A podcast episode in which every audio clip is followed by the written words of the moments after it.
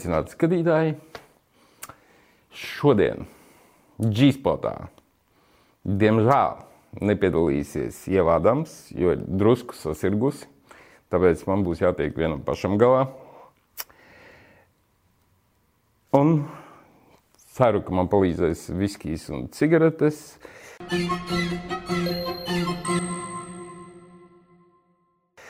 Un šodienas audiozais viesis, producents, kino režisors, veiksmīgs uzņēmējs Andrejs Ēģis.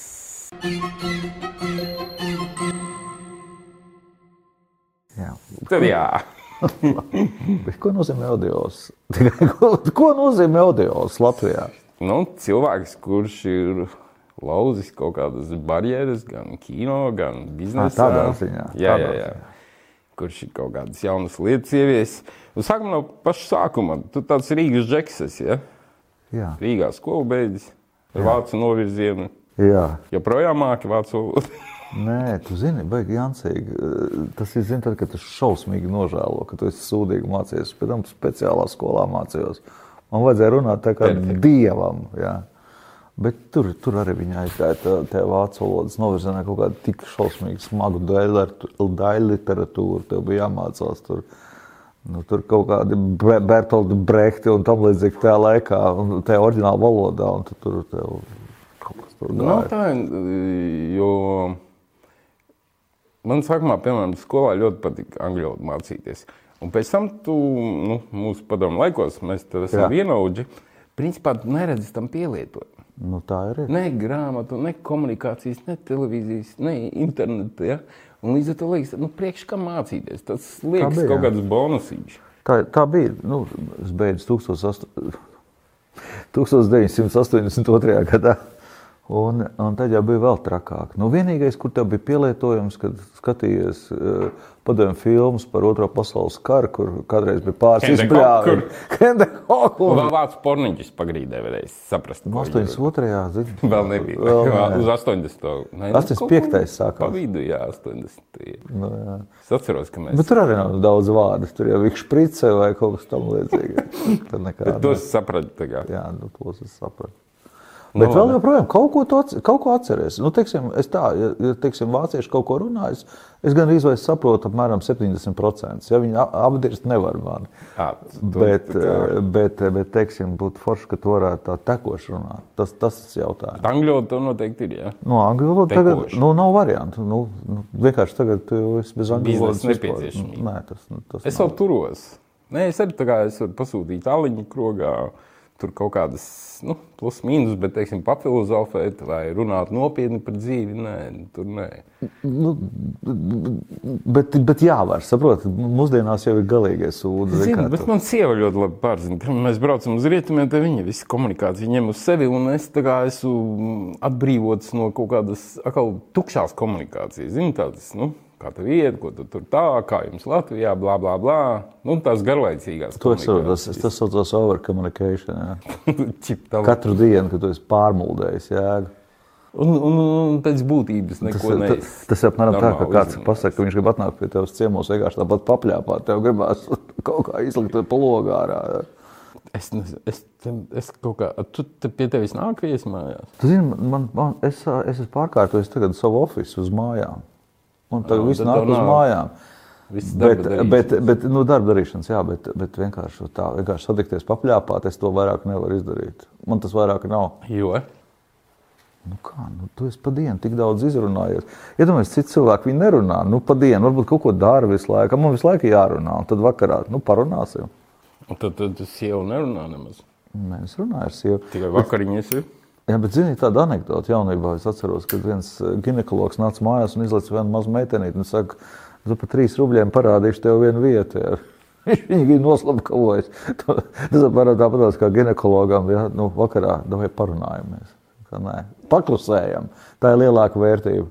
Tā ir vērtība sievietēs, ar kurām tu vari kopā paklusēt. Jā, Tā mēs varētu tā, noformulēt. tā ir. Jā.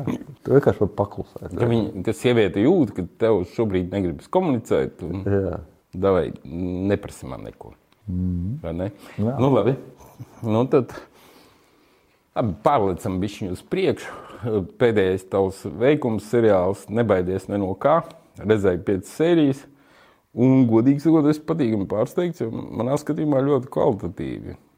Un nenoliedzami liela veiksme ir Kaspars Dumburs. Jo nu, man vienkārši viņš norauj jumtu, kā viņš spēlē. Viņai ir tāds noslēpums, tik, tik atklātām kārtīm, tāpat laikā neko nesaprot, ko viņš domā. Un, jei, un cietuma ainas salīdzinot ar tuneli, ja, kur cietuma ainas diezgan butaforiskas, tad šeit ir diezgan ticamas. Varbūt to gultu bišķi mazāk uz cilvēku skaitu, cik ir kamerā. Nē, kā, es, es tā nevaru salīdzināt ar konkurentiem. Tā ir cits jautājums. Bet, bet es tiešām absolūti pārsteigts pats biju. Man nav tik liela, nu, man nav tāda pieredze kā tev režijā un līdzīgi. Es esmu vairāk tā, nu, bijis baigi ilgu laiku televīzijā menedžers. Kaut gan es jaunībā gribēju, man bija divi varianti - kino vai televīzija. Bet man vajadzēja pabarot ģimeni. Es nevaru atļauties būt kino. Tas nebija iespējams. Īpaši, ja tā ir tādas filmas kā ceļojums uz tukumu. Jā, jā. tur taču nepabaros. Nē, ne, nepabaros. Budžets bija 300. Bet, bet kas attiecās eiro dolāru? Bet, bet kas tagad attiecās par to Kasparu Dumburu, tas, kā es saku, es vienkārši, nu, tu pareizi pateici vienu baigi ocīgo frāzi, ko es varbūt kādreiz pirms kādiem pieciem gadiem nebūtu sapratis, nu, ka nesaprotu, ko viņš domā. Man liekas, ka tur ir tā. Bet tā ticamība ir absolūta. Jā, tev tieši tas pats ir. Tu piesaista vienkārši tas varonis. Piesaista, tāpēc, ka tu vari izdomāt visu kaut ko, ko gribi. Tas ir tik grūti saprast un tik interesanti saprast, kāds būs nākošais solis, ka tu negaidi. Es nezinu, kā, kā tas Kaspars ir tik ilgi bijis noslēpies kaut kur. Nu, Tad, es laikam saprotu, kāpēc, bet, bet, bet, bet, bet tagad pēkšņi tā uzmirds, ka. Tas, starp citu, bija mans pēdējais labais darbs Dēls teātrī priekšukarā pirms devos Indiju. Zinu, zinu, kurā laikā, kā teikt, viss notika. Uh, iepriekšējā vakarā es tieši ar viņu noslēdzu vienošanos par štatu. Es domāju, ka tas ir baigi labais gājiens un, uh, tik, un arī vēl pie tam tik uh, ieinteresēts. Nu, bez, jā, viņš bez, ļoti nopietni pieiet lietai. Tik ļoti nopietni un, un, un kā, bez kāda vipendrona un kaut kā tam līdzīga. Bet cik daudz viņam saki? Cik viņš pats sadomā kā, nu, procesā? Viņš ir ļoti daudz izdomājis mājās. Es, es personīgi esmu pieredzējis, bet jocīgi, es tagad man ir pieredze nu, strādāt ar dažādu tautību aktieriem. Uh, Nu, un, nu, teiksim tā, ka holandieši ir teicamnieki. Viņi, nu, es... Visi izpildu, ko saka? Nē, ne tajā ziņā. Zinu, visus tekstus, tekstus jā, viņi, viņi atbrauc, viņi nekādu ne Rīgu skatīties, neko. Viņi apsēdās mācīties tekstus, mēģināt un tam līdzīgi.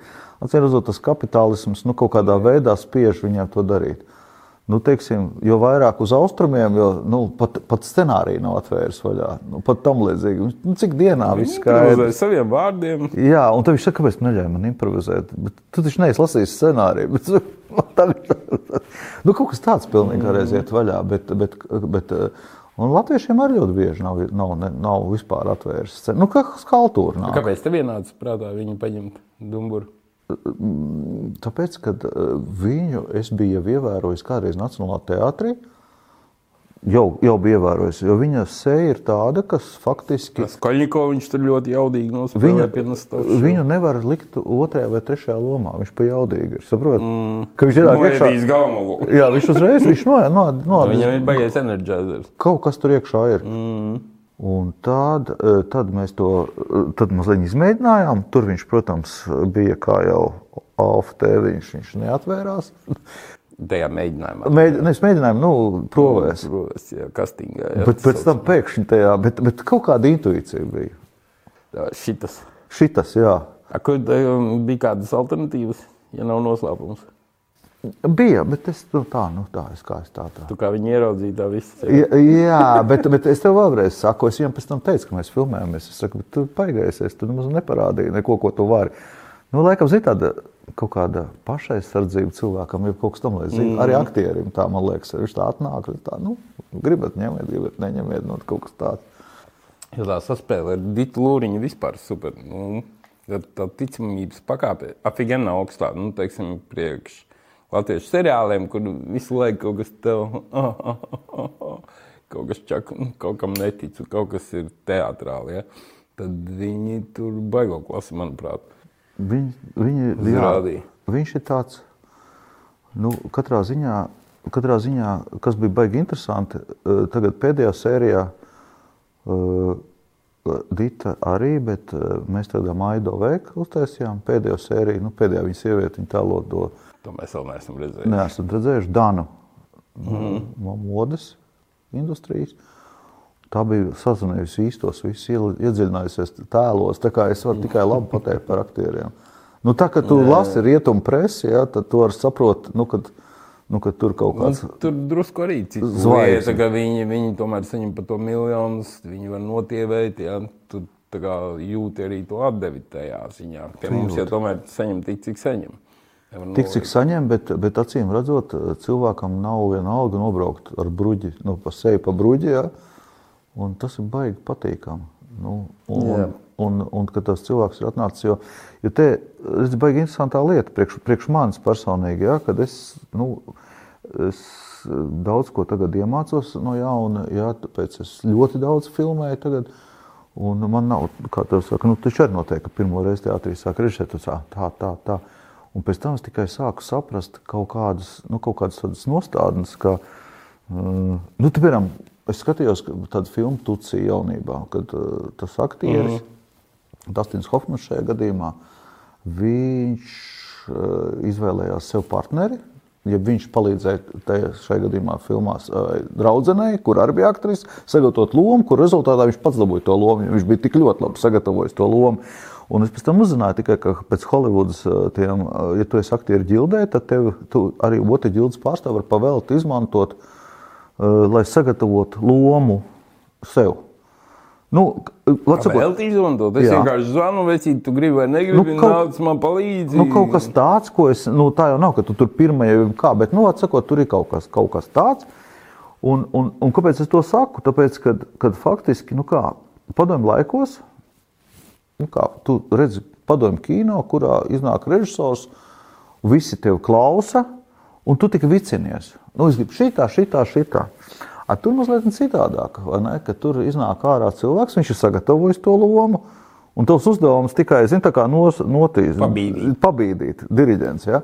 Un to var redzēt Austrumos vēl joprojām. Viņš no tā režisora prasa pilnīgi visu, pat nu, šitādu tauriņu vai šitādu tauriņu. paplātīts, jā. Visus paplātīts, un tu visu laiku, tu ir pilnīgi jūtas prātā. Tagad viens atskrien, saka, šitā vai šitā, šitā vai šitā, un tas, tas tev krīt, zināja. Jo, kā saka, režisors taisa filmu vai izrādi, Jā, aktieris pats sagatavo lomu.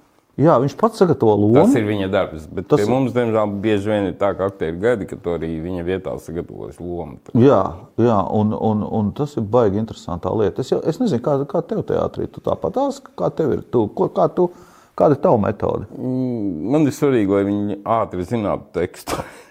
Nu, Jo jā, es nevaru ciest, uh, ka viņi pievelk savai valodai. Ja? Apmēram es domu sāku, pamazām, pamazām, bet, um, diemžēl, raksturīgi latviešu aktieriem runāt nepareizi.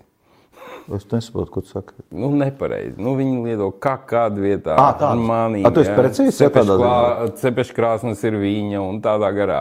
Ta- Man tāpēc ļoti svarīgi, ja, mēs kaut ko mainām tekstā, tad mēs vienojamies un mainām tekstā. Bet nevis runājam apmēram. un Reizēm ir tā problēma. Jo man patīk, tomēr, ka mēs pieturamies pie tā teksta precīzi.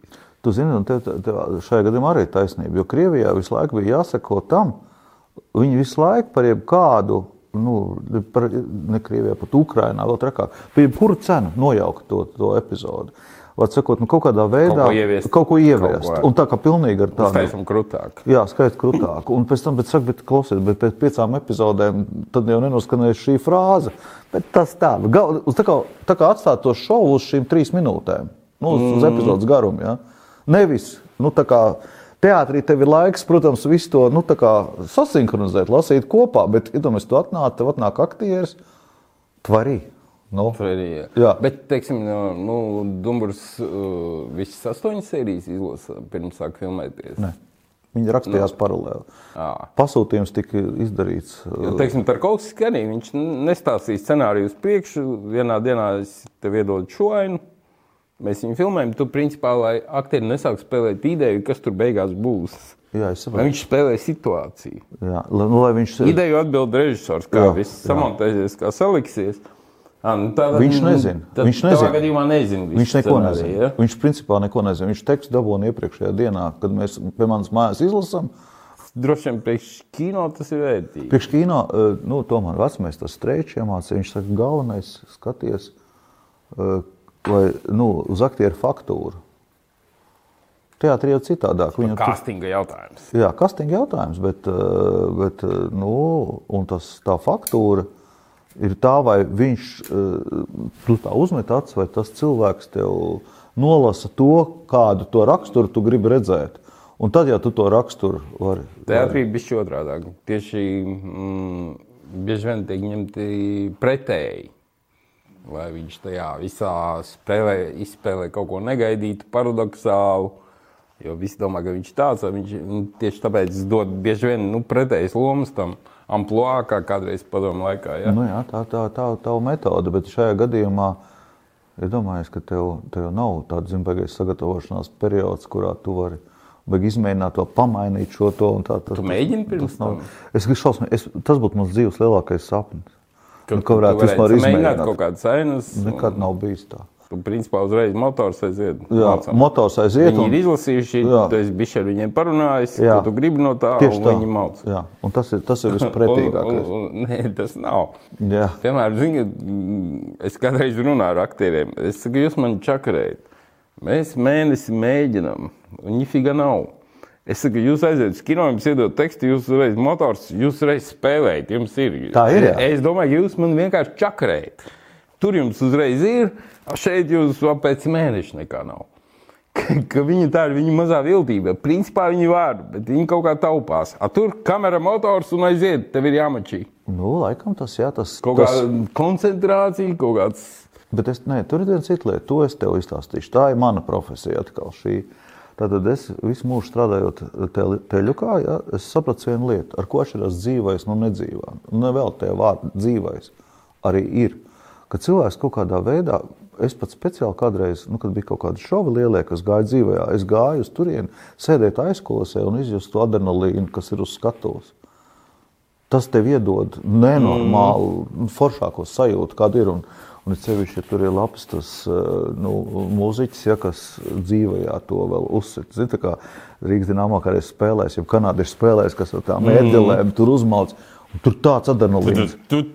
Jā, un tur visi, un tur, vi- un tur tas aktieris, neaktieris, jeb kas viņš tur kaut kas ieslēdzās. Tas ir tā, tas ir tā pendela, un tas motors arī ir tā pendela. Mm. Vai nu tu esi nu, kā galīgs? mobilizē uzreiz momentā visu. Jā, ja tev nav ko nomobilizēt, tad tu nemobilizēsi. Ja, ja tu esi izmēr, iz, nu, tādu izvēlējies, tādu nemobilizējošu personu, bet ir tādi, kur pēkšņi tev iedod, pi- piemēram, man viens krievu režisors teica, ka pirmais dublis tas ir īstais. Nu, tam jau sāk muģīt kaut ko, jā. Jā, ka kaut ko muģīt. Jā, jo tur kaut kāds, zini, kas iesākās kaut kāds no plauktiņa vai kaut kāds, zini, tāds tur. Un, jā, to, ko tu saki, bet, bet man, mēģināt, man mēģinājumi patīk. Es tev izstāstīšu, kāpēc. Mēģināšu izskaidrot. Tāpēc, kad no amerikāņu filmās, nu, piemēram, Krievu, filmā, Krievu filmās, zinot par to, kā tiek rado, ražots scenārijs, ka tas aktieris bieži vien nu, norauj kreklu, saplēš to kreklu tajā epizodē, bet viņam vairāk nav tālāk nekur augt. Nav neko. otru. Nav jā.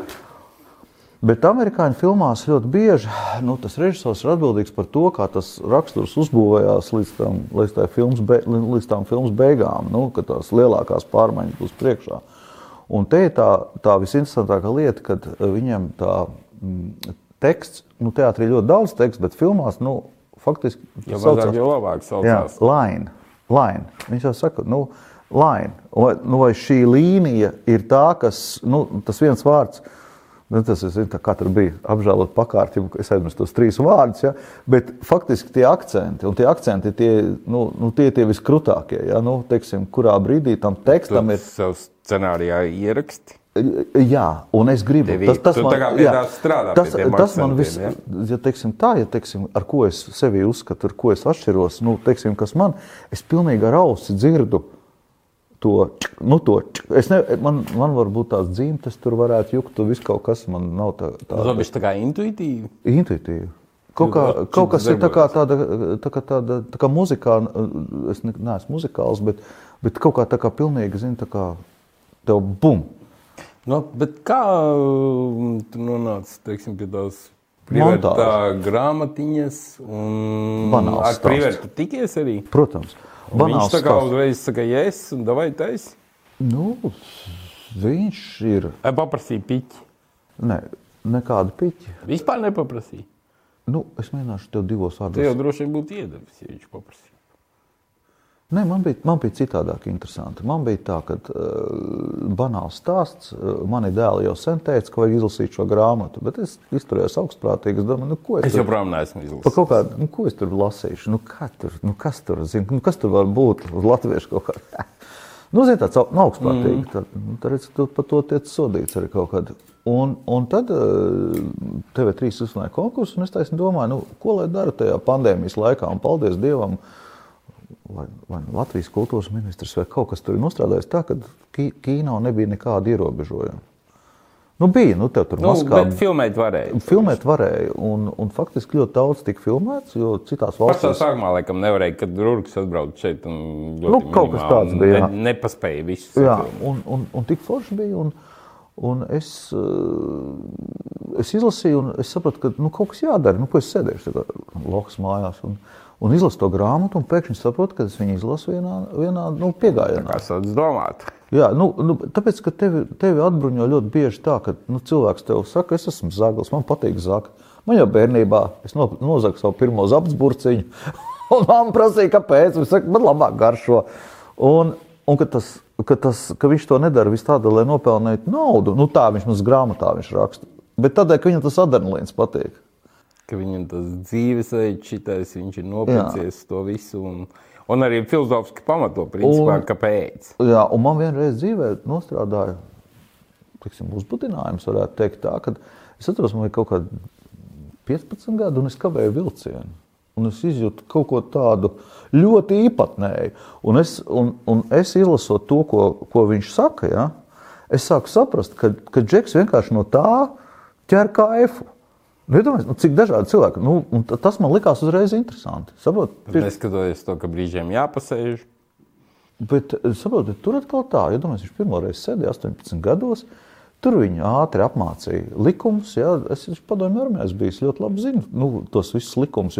Tur kādreiz, kad uh, padomju armijā sāk ņemt arī bijušos kriminālistus, viņi ātri izstāstīja, kurš tur pirmo mm. gadu sēž, cik viņam jāsit pa pakaļ par to, ka viņš ir tur pirmo gadu nodienējis. Un. Un, es domāju, ka viņš 18 gadus no saviem 56, 58, cik viņam tagad ir nosēdējis, viņš ir ar šo domāšanu. Viņš tieši tā arī domā. Viņš, piemēram, mēs te visi telpā esam lohi. Tas ir simtprocentīgi. Viņa, viņa Jā, tāpēc, ka viņš uzskata, nu, ja tev ir kaut kāda morāla, tad tu esi, nu, tad tu esi neesi gatavs izdzīvošanai. Nu, labi, bet viņam ir šī pati izdzīvošanas, tik un tā, morāla, bet cita. Teiksim, tā Protams, atšķirīga cita- no. Ja tev ir spēka vara, tad nu, viss ir kārtībā. Nu, nu, tad, tad, tad viņam tad patiktos, nu, piemēram, nu, nu, nu, mēs ar divu taču nesam lohi. Nu, tas ir Nu, skaidrs. Pagaidām, pagaidām, es tik viegli neparakstīšu uz jums. Loh. Es jau nesaku, ka tu esi lohs. Es saku, ka viņa acīs tas, viņš citādāk uz tām lietām skatās. Viņš, nu, viņš tas kalkulators ir. Nu. Un priekš manis, es tā visu laiku domāju, kāpēc viņam tāda filma vajadzīga? Nu, priekš kam? Kāpēc viņam vajag visai policijai, viņš kurā saka? vēl ir. Tu, viņš man līdz galam nepateica, bet es esmu ļoti labi sapratis. Es domāju, tā, ja tev, tais, Nē, es domāju, tā, ja tev vajag kokaīnu nopirkt, tad tu zini, pie kā griezties. Un, viņš visu laiku, desmit reizes uh, filmas laikā atbild, kad, uh, ka viņš, ne filmas laikā, nē, Nu, nu, sarunas laikā, kad desmit reizes saka, es nevienu neuzmetu. Nu, tur ir tā morāla, ka es tomēr esmu tā kā es to ne, to es, žuvu, ja? nu, kaut kas tāds, jā, bet, bet protams, ka nu, es kā kinošniks saku, palikt uzmanīgs, ja man jau otro reizi pasaka, ja cilvēks man visu laiku, nu, faktiski viņam pašam jau nevajag, man nav nekāda pierādījuma, neko, es tikai saku, nu, tev nevajag teikt, ka tu visu laiku neuzmeti. Bet viņš to saka taisi, un pat piķi man nevajag par to. Tas Kāpēc? dzīves, Bet, Ā, tas nav. Bet tam, nu, tev neviens nevar to samaksāt vispār. Nu, tas ir. Bet, bet ko es gribēju pateikt, ka viņam pilnīgi citādāka domāšana, citādāki uzskati, un es, paldies Dievam, es viņu varu saprast, jo es esmu bijis padomju armijā. Es saprotu, kā viņš uz mani skatās. Viņš ir 18 gadus cietumā nosēdējis. 18, 18 summā, ja? kopsumā. Tas ir visiem Jā. ārzemju cietumiem. Un, nu jā, un, un tas, bet 18 gados viņš ir bijis 4 gadus tajā īstajā, nu, tajā ar visiem krievu tām, mm. visām tām senajām zeku tradīcijām. Nu, lūk, un tajā brīdī tu viļus, neviļus. Es, ar, piemēram, es biju padomju armijā, es pēc kāda gada, nu, protams, ka es biju latviečs, es, es, protams, tu, vienmēr jūtu līdzi kanādiešiem, tam līdzīgi, bet tu lēnām, lēnām, tev kaut kādā veidā tā, tā game, tās spēles noteikumi lēnām sāk ievilkt. Nu, es nezinu, kas notiek pēc desmit gadiem, kad tu jau esi tur iekšā. vai ne? Man čoms Igors Gaķins, tāds krievu uzņēmējs no Maskavas, kuram ir daudz šeit nekustamā īpašuma Latvijā. Un viņš uzrakstīja otro romānu jau. Un tieši otrais romāns bija par armiju. Pie tā, ka viņam bija viņ, diezgan, viņš meistarkandāts boksā, bet kad tu ej armijā un kad tu sāc saprast tos spēles noteikumus, kā tev viss tā fiška līdzinējā nomainās. Viņš Bet baigi precīzi to ir aprakstījis. Es par jā. to runāju. ka tu vari tur leikties, un momentā tu dabūsi štangā, un, un kā tu lēnām pieņem, un kā tu maini savu to domāšanu. Lūdzu, principā. tas ir par šo, un tas ir tieši par Rolandu Privertu. Bet es... dīvaini, ka šī domāšana no cietuma tā kā pārnes uz reālo dzīvi, un tu sāc dzīvot reālajā dzīvē pēc šiem nu, drusku cietuma likumiem. Nu, bet tas pat, tas ir pat tas, ko es te Tas ir runāju. nedaudz kaut kas cits. Jā, tu- nekā sabiedrībā pieņemtājs. Nu, bet tur jau tā lieta, un tieši tāpēc man bija interesanti tā grāmata. Tu atšķir vaļā un saka, man patīk, nu, Vorv Zakoņa. Nu, kas tas ir? Viņš jau uzsver to, viņš ar to lepojās. Viņš ne, nesaka, nu, viņš, un, un tādiem kā mums atkal, viņš uzreiz paliek interesants. Bet tev priekšstats par viņu, jā, tas, kas bija no grāmatas, un tagad tu tikies atbildi tam, kā tu viņu realitātē redzēji. Vai grāmatā viņš tomēr, nu, tu sevi īpaši, ja tu raksti kā pirmajā personā, tu drusku sevi heroizē, ja? Jā, bet, Vai dzīvē tu sajūti, ka tiešām tas tur ir apakšā viss? Vai mēs te tādu pasaku, es grāmatu uzrakstu un bišķi, viss ir kaut kā bišķi Es mēģināšu, es mēģināšu atbildēt tā ļoti interesanti, lai neieslīgtu tādās detaļās, par kuras varbūt negribētu. Eh, Kad viens ir tas, kas tu esi, otrs ir tēls, kādu tu gribi radīt. Vai ne? Jā, un, un, un tāpēc eh, es tomēr mazliet kā cilvēks. Nu, tā, citādi es gribētu, lai katrs paskatās ar savām smadzenēm uz viņu. Es negribu pateikt priekšā. Bet tu drusku paliec par tādu, kā es saku, upuri tajā visā schēmā, es atceros, ka es, nu, sāku ar visu to režiju, Tad uzreiz kaut kāda pielika tas skandālists, huligāna, viss šis te imīķis, ja, un tu kaut kādā brīdī pat gribi uztaisīt kaut ko vienu mierīgi, ja, bet tu tā kā sāc nu, spēlēt klāt tam imīģam, un tu tā kā, oi, nē, šis būs neatbildīs, man neatbildīs manam imīģam, un tāpēc es bišķiņ šeit vēl kaut ko uztaisīšu tādu bišķu provokatīvāku. Ka vienā brīdī tu nonāc tādā slazdā tam, kā imidžam, ko esi izveidojis sabiedrībai, un beigās sācam mēģināt atbildēt. nu jā, redz, tu, tu baigi forši, nu, tu tiešām forši pateici, jo, jo zini kā, mums arī bija kādreiz, es- mēs ar Graubu uztaisījām pirmo filmu Baigu vasaru, tajā laikā Normans Naumans bija neapšaubāms spīdeklis kritikā, nu, viņš nu, noraka tā kā pilnīgi līdz ārprātam, un, un tu saproti, un, un tā jau vienmēr ir, kad ir kaut kāds līderis, piemēram, Normans Naumans bija lī- līderis, ja, un pārējie kritiķi, ja, Nu, nedod Dievs, ka kāds kaut ko labu uzrakstījis, ja pēc tam, nu, un es par Amerikā. Par, Tad, tad viņš sāk braukt tiem virsū. Nu, protams, un, jo viņam taču jāaizsargāja savs, savs tas mm. viedoklis. Un, un es atceros, tajā Amerikā, es tādu labi lasīju, aizmirsu vārdu uzvārdu, sieviete arī 50 gadus ir. Ko viņa tik nav rakusi nost kādus džekus un tam līdzīgi, bet jo viņai bija svarīgi. Nu, Nu, nu, kādam tur balītē, normālam čalim iedot pa purnu, lai nu, citi no viņas baidās, nu, mīl, nemīl un tam līdzīgi. Un es joprojām, es, teiksim, pa man, manām filmām, kuras ir gan producents, gan nekad neviena laba vārda nav bijis. Ja, vispār. Nu, Tā es neteikšu. Nu. Draudzene Kristīna Matīs diezgan daudz labus vārdus. Aiz, aiz, aiz sejā, jā, bet rakstīt. Nē, rakstot. Nu, labi. Labi, bet tā mēs vēl nonāksim. Un, un, manī, un manī vienmēr ir bijis tas, ko tu saki. Un, kad tu sāc speciāli jau sākt, nu, ok, nu, tu te, tev ir ierādīta tā vieta, nu, tad vai tad. Tad spēlējam, nu, es, spēlēsim līdz galam. Tu, es to gribēju tev pateikt. Es negribēju pateikt to, ka man te nu, taisnība otrādīgāk. Man neko nevajag. Iet dillēs viss. Tā tad vēl, un vēl interesantāk, varbūt tieši varbūt labi, tad taisnība kaut kur, varbūt aiz robežām ir jāatrod kaut kas. Mm -hmm. Kaut kas cits, varbūt tur tev kāds sapratīs. Ja? Bet, bet Bet tā tas ir. Tu nonāc kaut kādā veidā gūstā, un tu pat varbūt negribi. Ja? Un tik un tā, tu kaut ko sāc tā kā džiks. Bet tev ir gandrības par šo seriālu. Jā, man ir. Jo tas man ir... tiešām ir ļoti uz latviešu seriālu fona, ir ļoti, manā skatījumā, ļoti ticams un jaudīgs. Manī, manī, manī ir tas gandarījums, kad mēģināšu tev izskaidrot, kad tur to aktieri, kurš tev ir uzticējies, Nu, viņš uzticās tev, mm, vai ne? Nu, nu, un pēc tam viņš, viņš arī ir apmierināts. Tas ir vēl vislielākais. Tur runāja Dumburi pēc tam.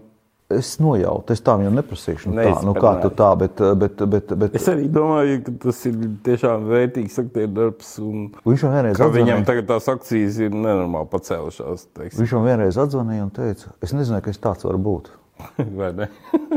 jo viņam, viņš bija eh, tur tajā. Mēs ar viņu sarunājām, tajā pirmajā sērijā. Viņš guļ vannā un viņam nāk tā milicija pakaļ. Ja? Un, nu, un tā doma ir tāda. Fantastiska aina. Fantastiska aina. Un tā doma. Tas mieriņš viņa. Jā. Un kur viņš tā, ar tām acīm? Un, un, tā, un, un, tā, un, tad, un, un mēs vēl pielikām, ka tā roka lēnām iet uz leju. Un, un, saprot, un viņš saka, es nezināju, ka es tāds varu būt. Jā. Nu, tā, caur šo lomu viņš sevi atklāja kaut kādas šķautnes, kas. Nu, es, kā, es to, ne, es to ne... atklāju caur sievietēm, sevi kaut ko jaunu. Tā tu caur lomu droši vien ieraugi, ka, oh, manī ir kaut kas tāds. Bet, klausies, Brīvārds tagad ir kaut kur Latvijā-Amerikā ar desmit cehu, un tagad samdīsim Janovs, cik es saprotu, es arī par viņu kaut kādu dokumentālo filmu. Nu, Privērts, es saku, tas ir malacis vienkārši. Viņš bliež vaļā tā kā trakais. Un, uh, Un viņi ir tagad. Un nu, kaifo no tā visa. Jā, un kaifo, jo beidzot viņš ir dabūjis kā sliktais puisis visu Latvijas mēdīju uzmanību. Tas tā kā Skopinskī maņiaka, kurus apčaka nointervēja. Jā. Viņš ir dabūjis visu. Ka to ar savu tā kā sabiedrībai pretiesisko darbību, tā kā kļūsti neviļus par, nu, principā, mediju zvaigzni. Nu, principā, nu, kā normālā sabiedrībā, filozofiski normālā, nu, like, 30 gadus atpakaļ tev izdzītu ārā, tev ar tevi nesveicināt, tas nekur tam līdzīgi. Un šajā gadījumā tu esi 18 gadus nosēdējis cietumā, un tu esi baigais džeks. Baigais džeks, jā. Un par, par augu daudziem jauniešiem. Nu, tas man ir to, ko, to, ko, to, ko es negribētu nu, dzirdēt. Bet, tas ir tieši tāpat kā ar to krievu seriālu brigādi. Ja? Jā. Kulta seriālu, kad mm, jaunieši sāk gribēt būt par bandītiem. Jā. Jo tā romantika tomēr tur ir nenoliedzama. Es pats esmu noskatījos brigādi, principā vienā piesēdienā. Es zinu, par ko. Vakarā aizgāju uz, uz, uz Rimčiku. Un, un es biju tajā tēlā tā iegājis, nedod Dievs, man kāds uzgrūdīsies. es uzreiz pamūtu, saprotu, nu, tu tik tālu aizēji tādā sviestā, jo tas kino maģija ir tik jaudīga. Un šeit gadījumā arī, nu, vienalga, nu, es jūtu viņam līdzi. Es negribu, ka viņi noķer tajā lidmašīnā, ja? Nu, tu man ir vienalga noķer. Mēs ejam līdzi varonim galvenajam. Jā, bet... Lai viņam sanāk. Bet to morāli ļoti gribās tomēr... Tā... Bet nesanāk tā. Vismaz labi, es vēl neredzēju pēdējās trīs sērijas. Varbūt tu tur kaut kur saliks akcentus, ka tas figņā pagaidām vienalga romantiski. Tajā ir kaut kāds skaidrs, skaties, kā var tādu milzu piķi uztaisīt. Jē, galvenais fišs, ka varī. Nē, es pirms tam, lai nebūtu galīgi tā, mēs aizgājām pie narkotikas apkarošanas pārvaldes cilvēkiem, Nu, kā, cilvēki pēkšņi čeks beigas zvanās katru, katru vakaru privērtam. Zin, kā, ja viņi telefonu noklausās, turbūt tas laiku pērk. Kaut ko tam līdzīga. Viņš reizāmies ar narkotiku. Un viņi ļoti interesanti saka. Viņi saka, ka viņiem lokatorā privērt, nu, nu tikai dēļ tiem skandāliem viņi nav. Viņi saka, ok, nu skaidrs, koknesē tur 5 tonnas atrod. Jā. A, te, viņš nav te, šobrīd. Kaut kāds pāris kilogramiem. Tas, tas tāds, viņš skatās, kur tas izlaiž. Ja? Jā, kur tas izlaiž sārā, vai ne? Nu, te tā, te tāda interesanta tā lieta ir. Ja, tāda. Labi, jautājums ir par uh, scenāriju. Kāpēc to Dita Lūriņa principā ir prototyps Dairai Silovai, ja, kur man bija kādreiz tiebras studijas teātra laikā pasniedzēja deju. Kāpēc tu viņu novaļīji? tā kā? Nē, viņa, viņa šajā gadījumā nebija. Tas bija izdomāts tēls. Tagad būs Maija Doveika, būs prototyps pēdējā sērijā. À, tas Jā, jā, mūsu, mūsu, es vienkārši tā kā gaidu, jo tie Jā. divi kilogrami, par ko viņus paņēma ciet, ja? tur būs vēl divi. A, Kāpēc, Vēl divi un divi? A, Klausies, kāpēc viņam bija tie 0,9 gramu, par ko viņi paņēma? Es saprotu, ka mm, Daira ķip, tā kā viņa nostičīja, ka viņš ir tas organizētājs, bet kāpēc viņam vēl bija 0,9 grami? Tur bija vēl trakāk. Tu saproti, nostučīja, nenostučīja. Man ļoti uzrunāja, ko mēs ar Maiju skatījāmies. Tur ir tiesa sēde, un viņi abi tādā restotā būrī, nu tā tiesa sēde. Un viņam nolasa to spriedumu, un nevis nolasa spriedumu, bet pēdējais vārds. Rolands pagriežas pret viņu un saka, piedod, nu tur tam tā rantā.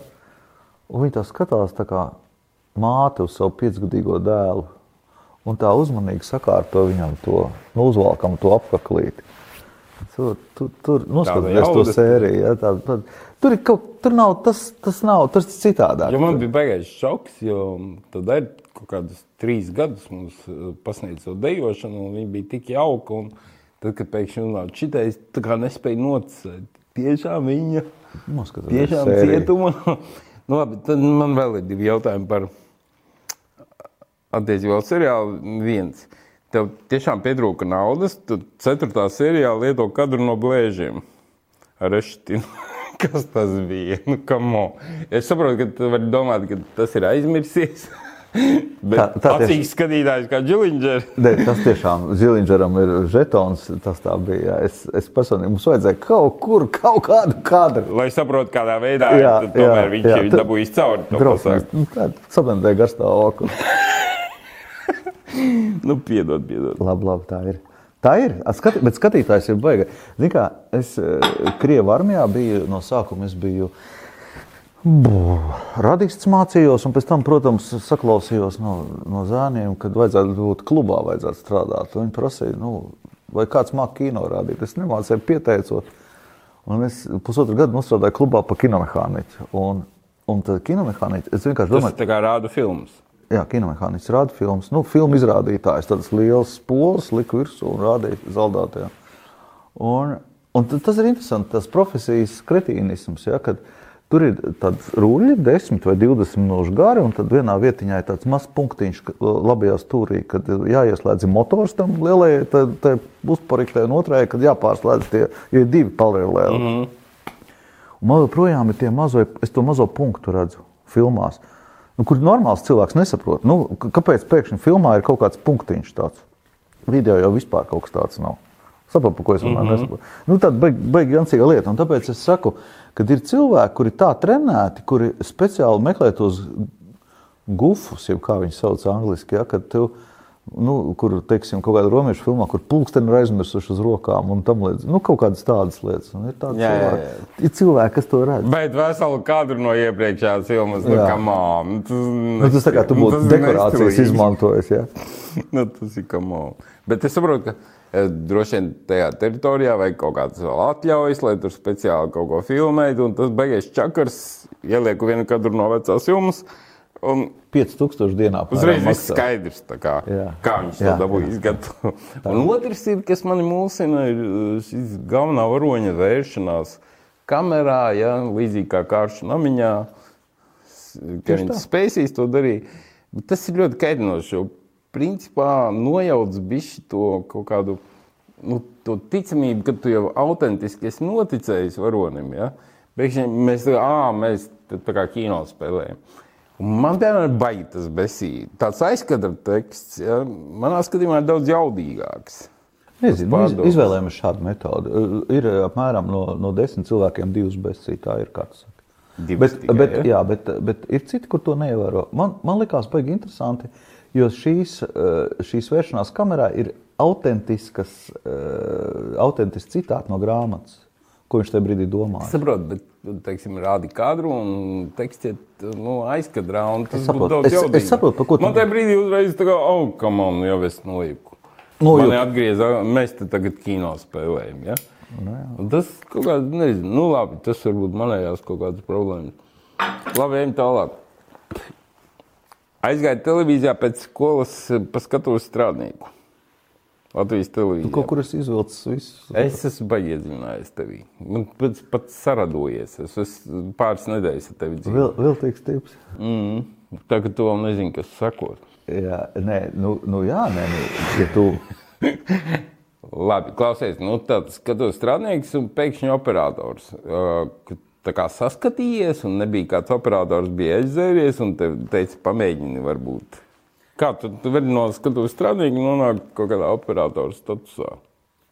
Tas ir, Kā tas notika? tas ir tas tā. Bet, sakot, man dzīvē veicies, kad es jau apmēram 10. klasē zināju, ko es darīšu. Es, Ko es, tu zināji? Es tev mēģināšu izskaidrot. Tā tad ir viena kolosāla Kodak reklāma. Un tā ir viena, ja kāds vēl tagad skatītājs atcerās, kas ir vienreizējais fotoaparāts, vienreiz, nu, ar filmiņu tāds vienreiz, iz, un tad var izmest ārā. Bet, sakot, Tā kā smēna 15. nē, nu, Kodak tie, nu, tāda aparātiņa, ja, smēna 8M drīzāk. Uh, Un, un, un tur bija tā, tā ideja, tāda, ka ir tā reklāma, un, un tur viens puisītis, tāds, nu, tāds nu, var redzēt, tāds atstumtais klasē. Viņš paceļ to vienreizējo fotoaparātu un vismukākās meitenes klasē uzreiz. Viņš nolaiž, un tās meitenes uz viņu pat neskatās. Džekam paceļ- akcijas parādās. Viņam pēc džekam akcijas. Nu, labi, es neteiksim, ka es biju tur kaut kāds tāds vai šitāds, bet kaut kāda pašapziņas trūkums man bija jaunībā. Un, bet, blef, bet optimisms šausmīgs un ar pašapziņu, nu kaut kā tā. Un tad es atceros, es kaut kādā desmitajā klasē uzfilmēju saviem klases biedriem filmu ceļu, nevis ceļojums tukumu, bet uh, Romeo un Džulietu. Nu, vienkārši pa klases biedriem. Uz ko? Uz smēna, šito- ne, uz kaut kādu šito te kaut kādu, ja, 8, 8 mm kameru. Un es atceros, ka bija 3, 11, kla- 10 klases kopā lielā auditorijā, un mēs skatījāmies, un viss tā zāle smējās. Un es, eh, Un, tu, un tu esi kings, ja? un es jutos, es sevi, es sevi sapratu, lūk, tas ir tas, ko es darīšu. Jo es neskatījos uz ekrānu. Nu, Hitchcock filmā arī, kur Anthony's Hopkins tēlo, kad viņš tēlo to Hitchcock, mm. ja, viņš skatās uz zāli, nevis uz ekrānu. Nu, ko viņš viss zina? Bet viņš zina, skatītāja rēģē. vai šajā minūtē viņš varēs diriģēt skatītāju emocijas. Vai šajā sekundē būs skrie- kliedziens, vai viņi novērtīsies, vai viņi tikko grib iet jau pēc popkorna, un tā viņš bam, jā, tu, un tu no rokas tur. Un tas ir tas interesantākais. Un tāpēc atbildi bija viennozīmīga. Nu, kad nu, man jau nekāda sakara nav, es piezvanīju uz Latvijas televīziju, prasīju, mums nav kāda brīva vieta. Viņi teica, nu, ir skatuvnieku vieta. Saku, ok. Bet uh, Pagaid, norma, tūlīt stāstu. normāls loģisks risinājums būtu ej kaut kur mācīties. Nē, nu, man bija tā, ka es ļoti slikti skolā mācījos. Es biju otrs sliktākais klasē. Un es mācījos Līdzīgi man. Ja, nu, vat, nu, bet ne, nevis tāpēc, ka idiots, bet vienkārši nebija interesanti. Ja, un tā. un tad es aizgāju, un tad, tad es gāju stāties augstskolā, nu, kur tajā laikā, tajā laikā visi gāja uz augstskolu, ja tad nebūtu krievu armijā jāiet, tik un tāpēc tam paņēma. Un pff, bija vācu valoda kaut kāda, bet tur arī man atzīmes nebija, nosakot visu dirsā. Nu, un, un, un, un, un tad man paņēma krievu armijā, nodzina matus un atlaida atpakaļ. Nu, nu ir tā kādreiz. Ko Tā, nozīmē atlaid atpakaļ? nu, tevi iesauc. Un, Nē, labi, vēl pagaidi. Jā, vēl pagaidi pusgadu. Bet matu nav. Matu nav, nav vairāk. Nu, un es domāju, ko lai es daru? Nu, tad- es piezvanīju Latvijas televīzijai, prasīju, jums vajag kaut ko. Nu, viņam vajadzēja skatuvnieku, bet tad man noveicās dzīvē. Nu, Iedomājieties, kad 18-gadīgs džeks nokļūst eh, C studijā tajā laikā, kurā katras divas dienas, trīs, četras dienas eh, pa televīzijas uzvedumam. Tajā laikā nebija filmu, nu, mm. nebija kā ārzemē iepirkt Jā, filmu. jā. Un tā Latvijas televīzija štampoja seriālus pēc seriāla. Nenormāli krūtis sistēma. Ja man tagad, eh, Kad... kad, Tā kā teātris uzdevumi, Jā. ja? teātris, teātris filmu, Jā. kā krieviem. ja es, piemēram, būtu Latvijas televīzijas kaut kādā vadošā postenī, es to atjaunotu uz sistēmu. Eh, Vārds sakot, bija četras grupas. Nu, literārais redaktors, redaktors, kas meklē, režisors, mm. mākslinieks. Un, un četras tādas grupas. Ja? Un kamēr viena gatavojās, otrs jau meklēja materiālu, nu, tā kā teātrī apmēram. Nu, tā. Un, un tikai un viens pēc otra. Un tu tajā brīdī lietas savas. Un es lieku savas dekorācijas, bet es taču esmu vērotājs. Es visu skatos un, un, un tādā baigā tuvumā. Ja domāju, ka tev tur viss notiek.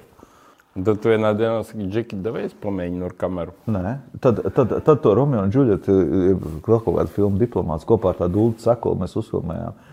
Un, un pēkšņi tie džeki, es piedalos kinoamatieru pulciņā. Tajā laikā kinoamatieru pulciņi bija ļoti populāri. Mm. Iedomājies, ka bija Latvijā taisīja līdz, ražoja, veidoja līdz 300 filmām gadā. Amatieri. Skates ar visiem pasākumiem tam līdzīgi. Un tad tādā skatē, nu, tad man tur džeki ievēroja un teica, klausies, negribu nākt. Pamēģini, re, kur Par operātoru, jā, un, un, un, nu, un tu esi nokļuvis. Un tur. Arī sanāca uzreiz. Es neuzskatu, ka es tur baigais, baigais kas tur sanāca, nesanāca, bet uh, tas skaitījās operatora asistents pirmkārt. Operators jau skanēja to labi. Un tāds liels govs bija, un tu stāv uz panorāmu. Tu redz, ka tev apmēram tev skatās 600 tūkstoši. Un man tā iztēle, atceries, ka es nevis domāju, nu kā es viņu pagriezīšu, tagad, kad es piebraukšu, bet es redzu, kā tie 600 tūkstoši, tagad, kas skatās to. Kā viņi redzēs, kā es tagad to transfikātoru noraustīšos vai nenoraustīšos. Un es nevaru, man paralizē bailes. Nu, Mm. Nu, tad, protams, pēc tam tu pierodzi, zini, kā ar mašīnu jau braukt ātrums, tu nedomā vairāk, kā tu brauc. Jā, Bet tu tiki no asistenta par operatoru arī pēc tam. jā kaut kad tā, tā bija, bet tas vairāk nebija tik svarīgi. Un tad es domāju, ka var uztaisīt filmu. Ja? Ceļojums uz tukumu. Tā bija, Vakar jā. noskatījos, vienkārši, kas tas bija. Cik tā tur kaut kādi jau 29 gadi, ja? 29 gadi tādu sviestu. Es vispār nesaprotu, nu, kurā brīdī, nu, kas tev galvā? Kas tas bija? Plus tādu raustīgo kameru, ja tādā vecā stiliņā. Nē, nu, vienkārši tev labāk. Kad arī kā Alejandro Todorovskis pirmās filmas, tāds pilnīgs sviests. Nē, man nebija, nē, nu, jā, nu, raustīga kamera. Nu, tāda, tādas, nu, tajā laikā bija. Nu, vienkārši tu jau nevarēji, tev nebija video kameras, nekā tev tur nebija tajā laikā. Nu, bet, eh, bet tas kaivs jau ir cits. Tas kaivs ir tas, ka tu vari eh, ar kaut kādiem, nu, kā, iedomājies, tu dzīvo tajā sociālismā. Mm -hmm. Kur viss ir tā kā pareizi. Un tu tagad uztaisīji kaut ko nepareizi. Tā kā afigēni nepareizi. Jo tagad man liekas, ka nu, visi taisa nepareizi. Tagad uztaisīt pareizi. Es esmu izslāpis pareizi kaut kāda nu, nu, stāsta, storytelling. Ja, nu, vispār.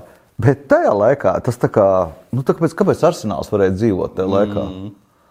Nu, nu, Es tāpēc, sēdēju Arsenālā no 8 rītā līdz 12 naktī. Nu, jā, bet kāpēc? Vienkārši Tāpēc, ka tur viss bija savādāk. Viss bija Un, un, un tā ir tā, tas ir tas kaivs. Un tad sanāca džekiem, kur arī viss nu, viss krūzes nav mājās, jau tad tu āksties. Un, tā, Gobziņa un loki. jā, nu, nu, bet, nu, Nu, bet labi, nu, bet, nu, kaut kāda jēga arī no avangards vai maldais humors, kā to nosaukt. nu, Tur jēgas vispār nekādas nav. Tas ir kaut kāds vienkārši sviests, pašmērķīgs. bet tas ir tik superīgi. Jā, un, un tad redz, kā tu esi mainījies. Un tajā brīdī tev neinteresē neviens skatītājs. Nē, Forši mēs džekiem nav. močiem. Nē, ja redzi, es nezinu, bet uh, es izstāstīšu, tur baigi interesantā lieta bija. Es sapņojis, tas bija zvaigznīšu brīdis, jā, un zvaigznīšu brīdis. Un, un mēs tagad uh, nu, taisām, nu, jātaisa filmu, nu, taisām filmu, nu, taisām. Un pirms filmas jau paziņojām, noīrējām Nacionālo teātri. Tajā laikā, nabadzīga laika, es aizmirsu, cik tur varēja nopirkt. Kaut kāda 50 eiro, kaut kas tāds. Pirmdiena, nevis eiro, bet dolāri. Noīrējām teātri un pirmizrādi paziņo.